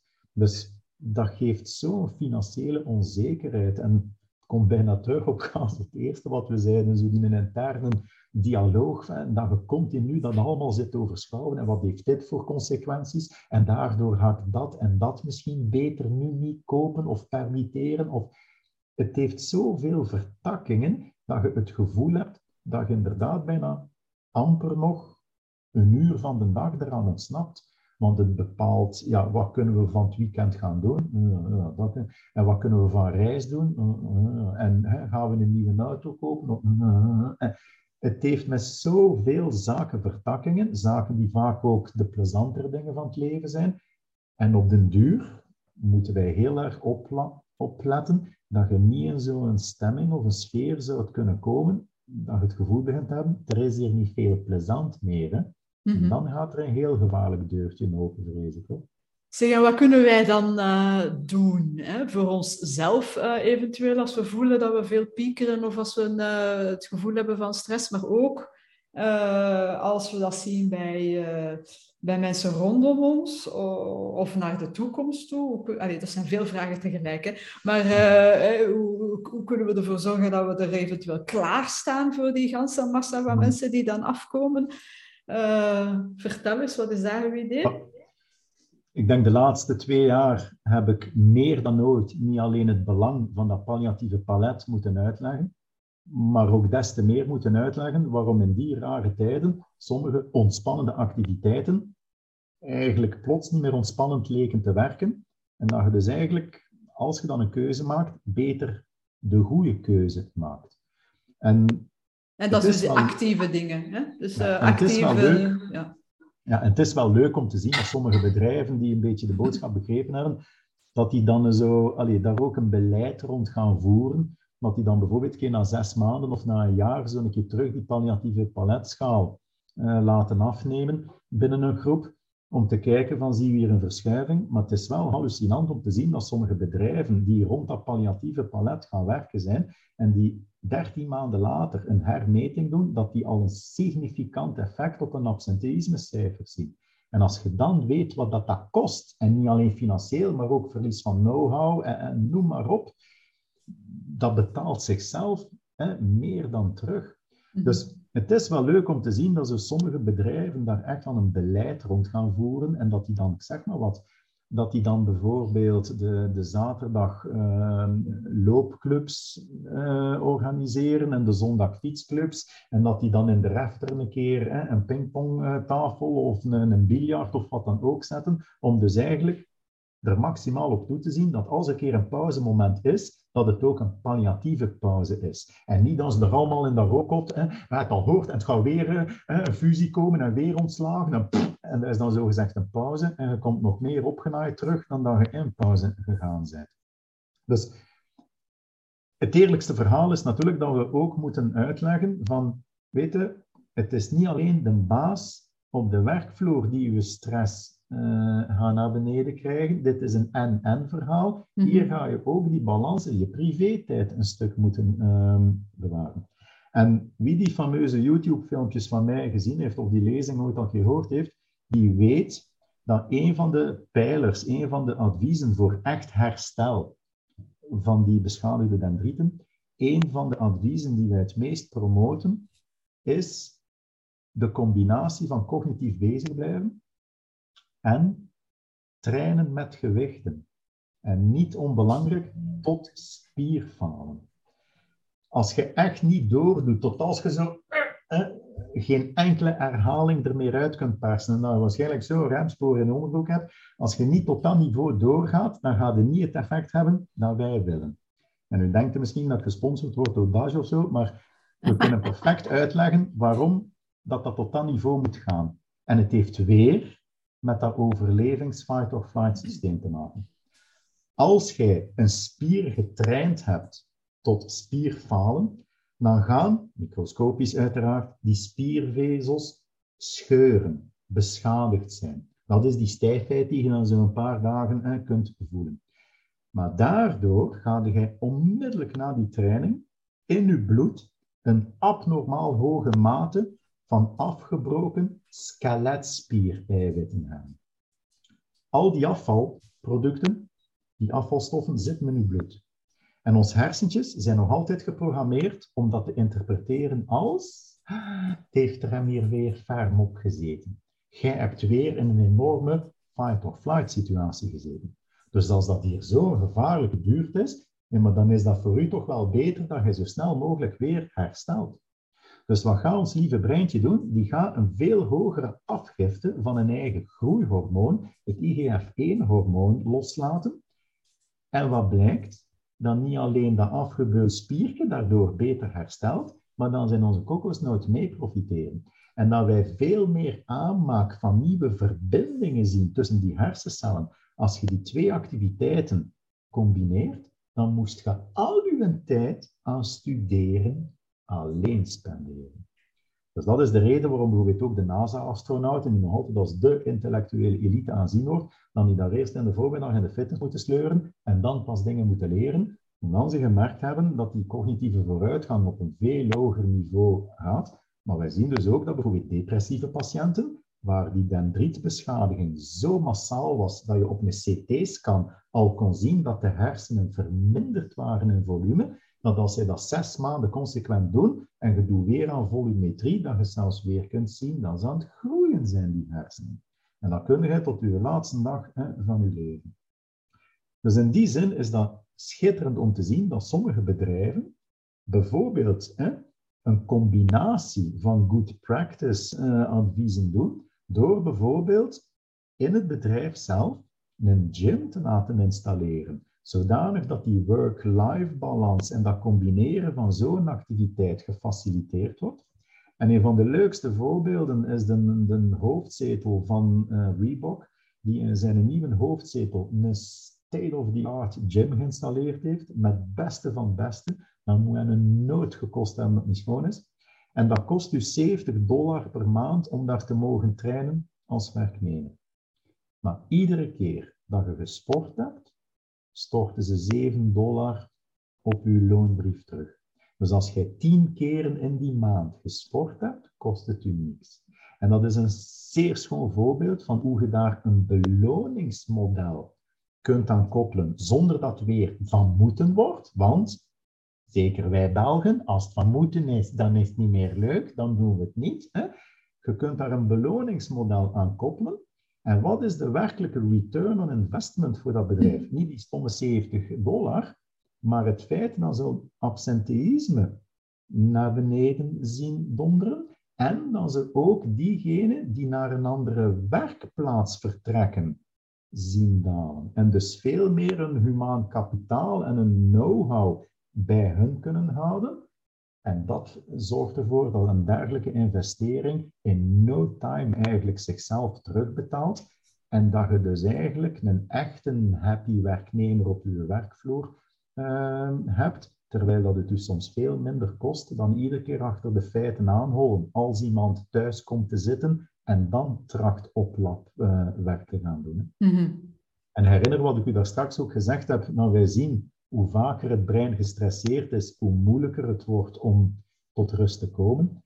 Wij zien dat 70% van de mensen die een burn-out gehad hebben en thuis gezeten hebben en terug naar de werkvloer gaan, dat 70% een enorme angst rapporteert dat het dan nog een keer zou kunnen overkomen. Maar 57% van die mensen rapporteert ook, de baas heeft niks geleerd uit wat mij overkomen is. Het is hier gewoon weer business as usual. Dus dan moet je niet verwonderd zijn dat dat meer vigilant geworden brein, dat eigenlijk niet meer hetzelfde denkt en functioneert zoals voordien, dat, dat als er niks van aanpassingen, niks van lessen getrokken wordt, dat die een schrik er massaal in zit, dat het nog een keer zou kunnen gebeuren. En dan moeten wij ook niet verschieten dat zo iemand bijvoorbeeld de bal overslaat naar het andere kamp en dan bijvoorbeeld in dat bore-out gedrag terechtkomt. Want ik moet opletten dat ik weer niet te veel werk op mij neem, dat ik weer niet te veel hooi op mijn vork neem. En dan begint men zich met allerlei van die onnozeliteiten bezig te houden om niet te veel te werken. En dan begint het gezaag omdat je deadlines niet haalt. En dan is daar weer stress. En we zijn weer richting herval aan het gaan. En als je die tekeningen met die, die beschadigde dendrieten in het achterhoofd houdt en dan begrijpt wat ik bedoel met echt hersteld zijn, ja, dan begrijpt je waarom dat ik zeg dat veel te veel mensen veel te vroeg terugkeren en dat de deur naar een herval binnen de 1 à 2 jaar rekwijd open staat, want eigenlijk zijn je nog niet hersteld, maar hebt zodanig schrik ja, daar ontslagen zou worden of je collega's in de steek laten of wat dan ook, dat je eigenlijk teruggaat op een moment dat je nog niet echt hersteld bent. En dan is het pijnlijk hoe voorspelbaar de dingen uh, soms weer mislopen. Mm -hmm. Maar ik denk als bedrijf dat men echt moet leren om een lange termijnvisie te hebben. En ik weet het, het is een, een stout stokpaardje van me, maar ik vrees dat wij de laatste decennia van langs tot meer een type manager gekweekt, beloond hebben met allerhande bonussystemen, die eigenlijk nog maar twee vragen eigenlijk stellen. Wat kost het ons en wat brengt het ons op? En men gaat zich zodanig gaan blindstaren op die winstcijfers en die boekcijfers op het einde van het jaar, maar men ziet niet hoeveel verdoken kost er is of verdoken opbrengst er is om die presenteïsmegroep binnensboord te kunnen houden. Mhm. En dat is minder sexy. Het is veel leuker om de aandeelhouders content te kunnen houden met woehoe, zoveel winst en dit en dat. Maar al dat geld dat bespaard zou kunnen worden door minder verloop, minder verlies van know-how en dergelijke te hebben, en weer sollicitatietesten, en weer dit en weer dat, dat is zo een verdoken opbrengst, dat wordt minder gezien. En dat is heel jammer. Wij zien van langs dan meer een korte termijnvisie en geen lange termijnvisie meer, terwijl mentaal welzijn is per definitie bijna een lange termijnvisie die je moet hebben. En een happy werknemer is eigenlijk een waar ook meer aan verdient. En het heeft dus soms minder gekost dan sommige noodinterventies en, en oplapwerk. Maar ik vrees dat heel wat managers uh, zo'n beetje gekweekt worden in die korte termijnvisie van hun boekjaren. Om dan nog maar te zwijgen van het feit dat heel wat mensen tegen dat de sociale impact van hun besparingen of hun afdankingen of wat dan ook zich echt op de werkvloer laat gelden, zijn zij al lang weg. Hè? En zijn die al ergens binnengehaald in een ander uh, bedrijf waar ze met de rode loper binnengehaald worden, want nu hebben we een goeie. En moet je kijken hoe dat hij die winstcijfers Ginter gemaximaliseerd heeft en dat hij daar een emotioneel, mentaal, psychisch slagveld achtergelaten heeft.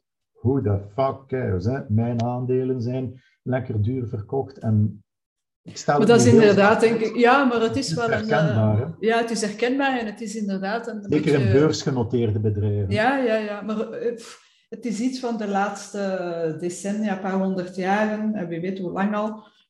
Wij, uh, het, moet altijd meer, meer, meer zijn. Double digit growth. Ik heb nog bij Janssen ja, Pharma gewerkt. Dat kan niet blijven duren. Nee, nee, nee. En daar ging het ook altijd over. Er is ook niks mis met Janssen Pharma op dat moment. Allee, whatever. Hè? Dus, uh, maar ik herinner mij, daar heb ik de eerste keer over die double digit growth uh, horen spreken. Alsof dat dat als dat het enige drijfveer is, en ik denk dat dat een wildgroei is, is geworden op de duur van, van inderdaad verkeerde managers en, en systemen. Dat het, en een en we kunnen dat, Ja, en we kunnen dat niet volhouden. Hè? Dus uh, dat is, dat, dat kan is niet het gaan. Duren, nee, Integendeel. Ja. Stel nu, uw objectief is 100.000 euro draaien.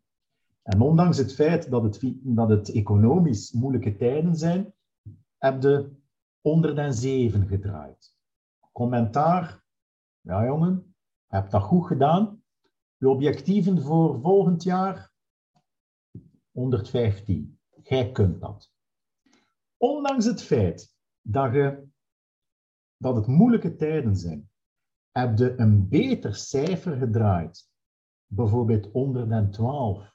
Maar heb die 115 niet gehaald, toch krijg je op je doos. Ja, ja, het zal toch volgend jaar wat beter moeten. Hè? Want ja, objectief. Dus je hebt het eigenlijk zelfs beter gedaan en toch heb je het gevoel dat je afgestraft wordt. En dat is zo'n pervers systeem, dat moet vroeg of laat eigenlijk mislukken. Ik ken mensen die zo in die verkoop... Ja, mijn eigen vader was uh, directeur bij Novartis. Ik heb genoeg gezien hoe dat de mentaliteit begon te veranderen en hoe het om den duur zo van die vergaderingen waren. Uh, beste... collega's, we hebben een nieuw product uitgevonden uh, voor teenschimmel. Uh, een behandeling is 90 pillen, maar we gaan een doos van 120 op de markt brengen, want dan verdienen we meer. En dan zat mijn pa daar van, wat, wat, is dat voor zeven? Hij heeft gezien hoe dat die mentaliteit begon te veranderen en het was echt big business. Niet iedereen kan daarmee omgaan en op den duur houdt niet voor mogelijk bij de mensen die ik begeleid in burn-out, of die bijvoorbeeld nou zo kenden dan, als we bij de CM geheugentraining voor burn-out organiseren, houdt niet voor mogelijk hoeveel mensen daar zitten die leerkracht zijn, die uit de banksector komen, of die bijvoorbeeld hè, vertegenwoordiger bij farmacie en dergelijke. Dat zijn mensen die zodanig onder druk gezet worden, maar ook die een morele stress ondervinden omdat ze weten dat ze dingen moeten aansmeren, beleggingen die eigenlijk op geen zak trekken. Maar als je je quota niet haalt, dan ligt het buiten. En dat is zo continu zich tussen twee vuren voelen. Dat viel gewoon al op hoeveel mensen vanuit diezelfde bedrijfssectoren dat er daartussen zitten.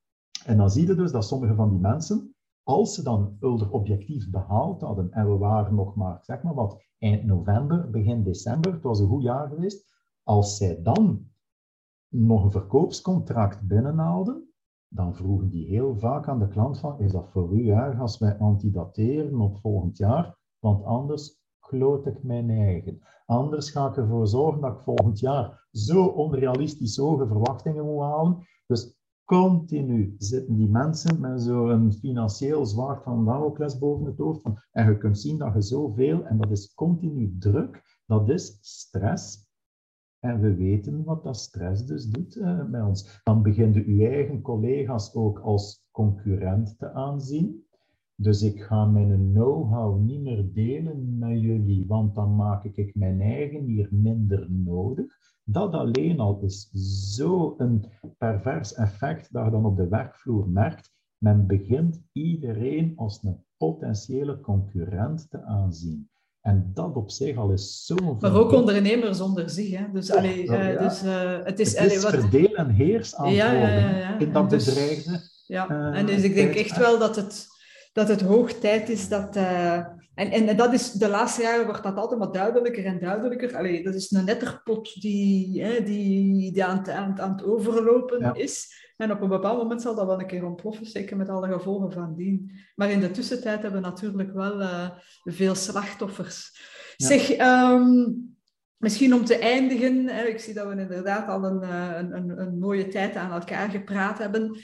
Ehm, als, eh, als je nu één gouden tip mocht geven voor de mensen die luisteren, ehm, om, om, om zichzelf dus future-proof te maken, hè? of dat ze Mm. nu ondernemer zijn of niet ondernemer zijn, ze zijn jong, oud, dik, dun, whatever, maakt niet uit.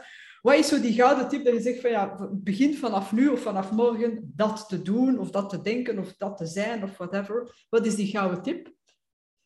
Ik denk een van de belangrijkste lessen die ik in die burn-out-studies de laatste jaren geleerd en gezien heb, is dat uiteindelijk hè, niet het aantal uren dat je werkt het belangrijkste is, maar het gevoel van zinvolheid waar dat je mhm. mee bezig bent. Mhm. En een van de mooiste bewijzen die we daarvan gezien hebben, was bij die burn-out veerkracht ehm, studie die we bij huisartsen gedaan hebben. En plots sukkelde daar een groep van ziekenhuisspecialisten in, wat dat oorspronkelijk niet de bedoeling was. Maar ik had zoiets van weten, laat ze maar meedoen, het kan misschien nog interessant zijn. En dat was heel interessant. Want ondanks het feit dat we zagen dat die ziekenhuisspecialisten evenveel uren klopten als sommige van die huisartsen, en wij zagen daar 70, 80 uren werkweken passeren uh, alsof niks was, toch zagen wij veel minder burn-out bij die ziekenhuisspecialisten dan bij die uh, huisartsen.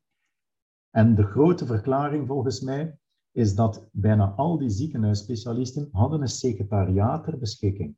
En die konden al die administratieve trut schoon van zich afschuiven. En die zijn veel beter, veel meer bezig met een core-activiteit waar ze voor gekozen hebben, waar ze zich competent in voelen en die hen een gevoel van zinvolheid geeft.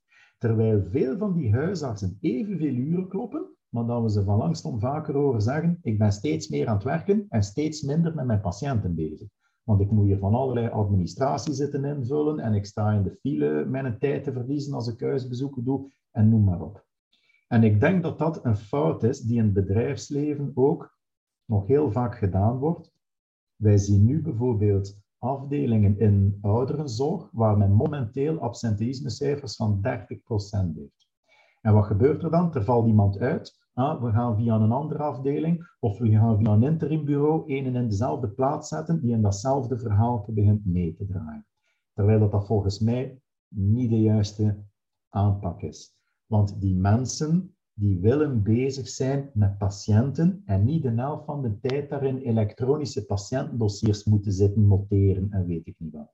Dus het advies dat ik heel vaak geef aan dergelijke afdelingen is van please, neemt in de plaats iemand in die louter dat administratieve doet. Je gaat dan ook veel meer werkkrachten ter beschikking hebben om in te spelen, maar die gaat dat met plezier doen en je gaat de mensen die daar rondlopen op hè, de werkvloer ook veel meer het gevoel hebben dat ze tenminste bezig zijn met datgene dat zij zinvol hè, uh, vinden. En daarom dat ik ook altijd aan mensen zeg, als je voelt dat je je grens aan het naderen bent, eigenlijk zou je heel kort door de bocht twee vragen moeten stellen. De tijd die ik spendeer aan het werken en aan de werkjes, de karweitjes die we ook elke dag moeten doen, in huishouden en wat dan ook, vind ik die een tijd zinvol besteed. En als ik mij ontspan, heb ik de momenten dat ik dat aan het doen ben, echt het gevoel dat ik dan ondertussen niet zit te denken aan puntje, puntje, puntje. Als je die kwaliteitstoetsing doorstaat, dan zit je eigenlijk al heel goed. Heel veel mensen, zelfs al worden ze door de medisch adviseur op een halftime gezet, als jij elke minuut op dat werk je zit af te vragen, waar zit ik mijn tijd hieraan te verprutsen, dan is een halftime even uitputtend voor uw batterij, even leegzuigend voor uw batterij als daar fulltime rondlopen. Terwijl ik mensen ken die 70, 80, 90 uur werken en die gaan nooit een burn-out hebben, want ze doen het graag en ze voelen zich competent in en ze vinden het zinvol. Ik ga een vrees stomme vergelijking maken. Hè. Maar als je een metselaar bent en je komt je elke dag je muur te metselen en s'avonds komt er een ander je bakstenen weer weghalen of iets anders mee doen en elke dag kom je terug en je ziet dat allemaal voor niets geweest is, we zullen een keer zien hoe rap dat het gaat willen opgeven. En dat is wat ik bij zoveel mensen hoor. Het is louter nog voor het financiële dat ze dat werk gaan doen. Moesten ze de loto winnen, ik zou onmiddellijk stoppen met die job. En wel, dat zegt al veel. Moest ik morgen de loto winnen, ik zou nog altijd graag doen. Ik zeg niet dat ik alles nog zou doen en misschien niet meer in het ziekenhuis, omdat dan van uur tot uur. Maar de dingen waar ik mee bezig ben, vind ik nog altijd zinvol. En ik vind het nog altijd leuk. Dus moest je dan mirakel vragen van moesten de loto winnen? Hè? Uh, zouden dat werk dan nog blijven doen als je binnen die drie nanoseconden al... Nee, dat zegt eigenlijk al heel veel. Mhm, ja. Dat is het eerlijkste advies dat ik kan geven. Het is niet het aantal uren dat je werkt, het is het gevoel van zinvolheid.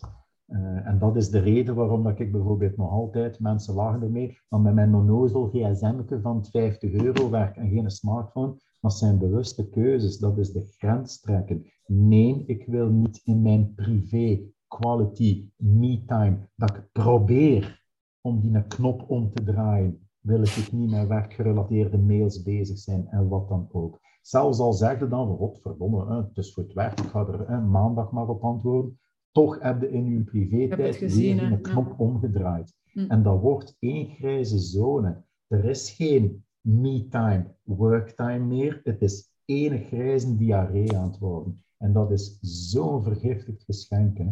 Zorg voor uzelf dat die scheiding aanvoelbaar blijft. En dan zijn dat twee belangrijke vragen, denk ik, die u soms een keer moet durven stellen.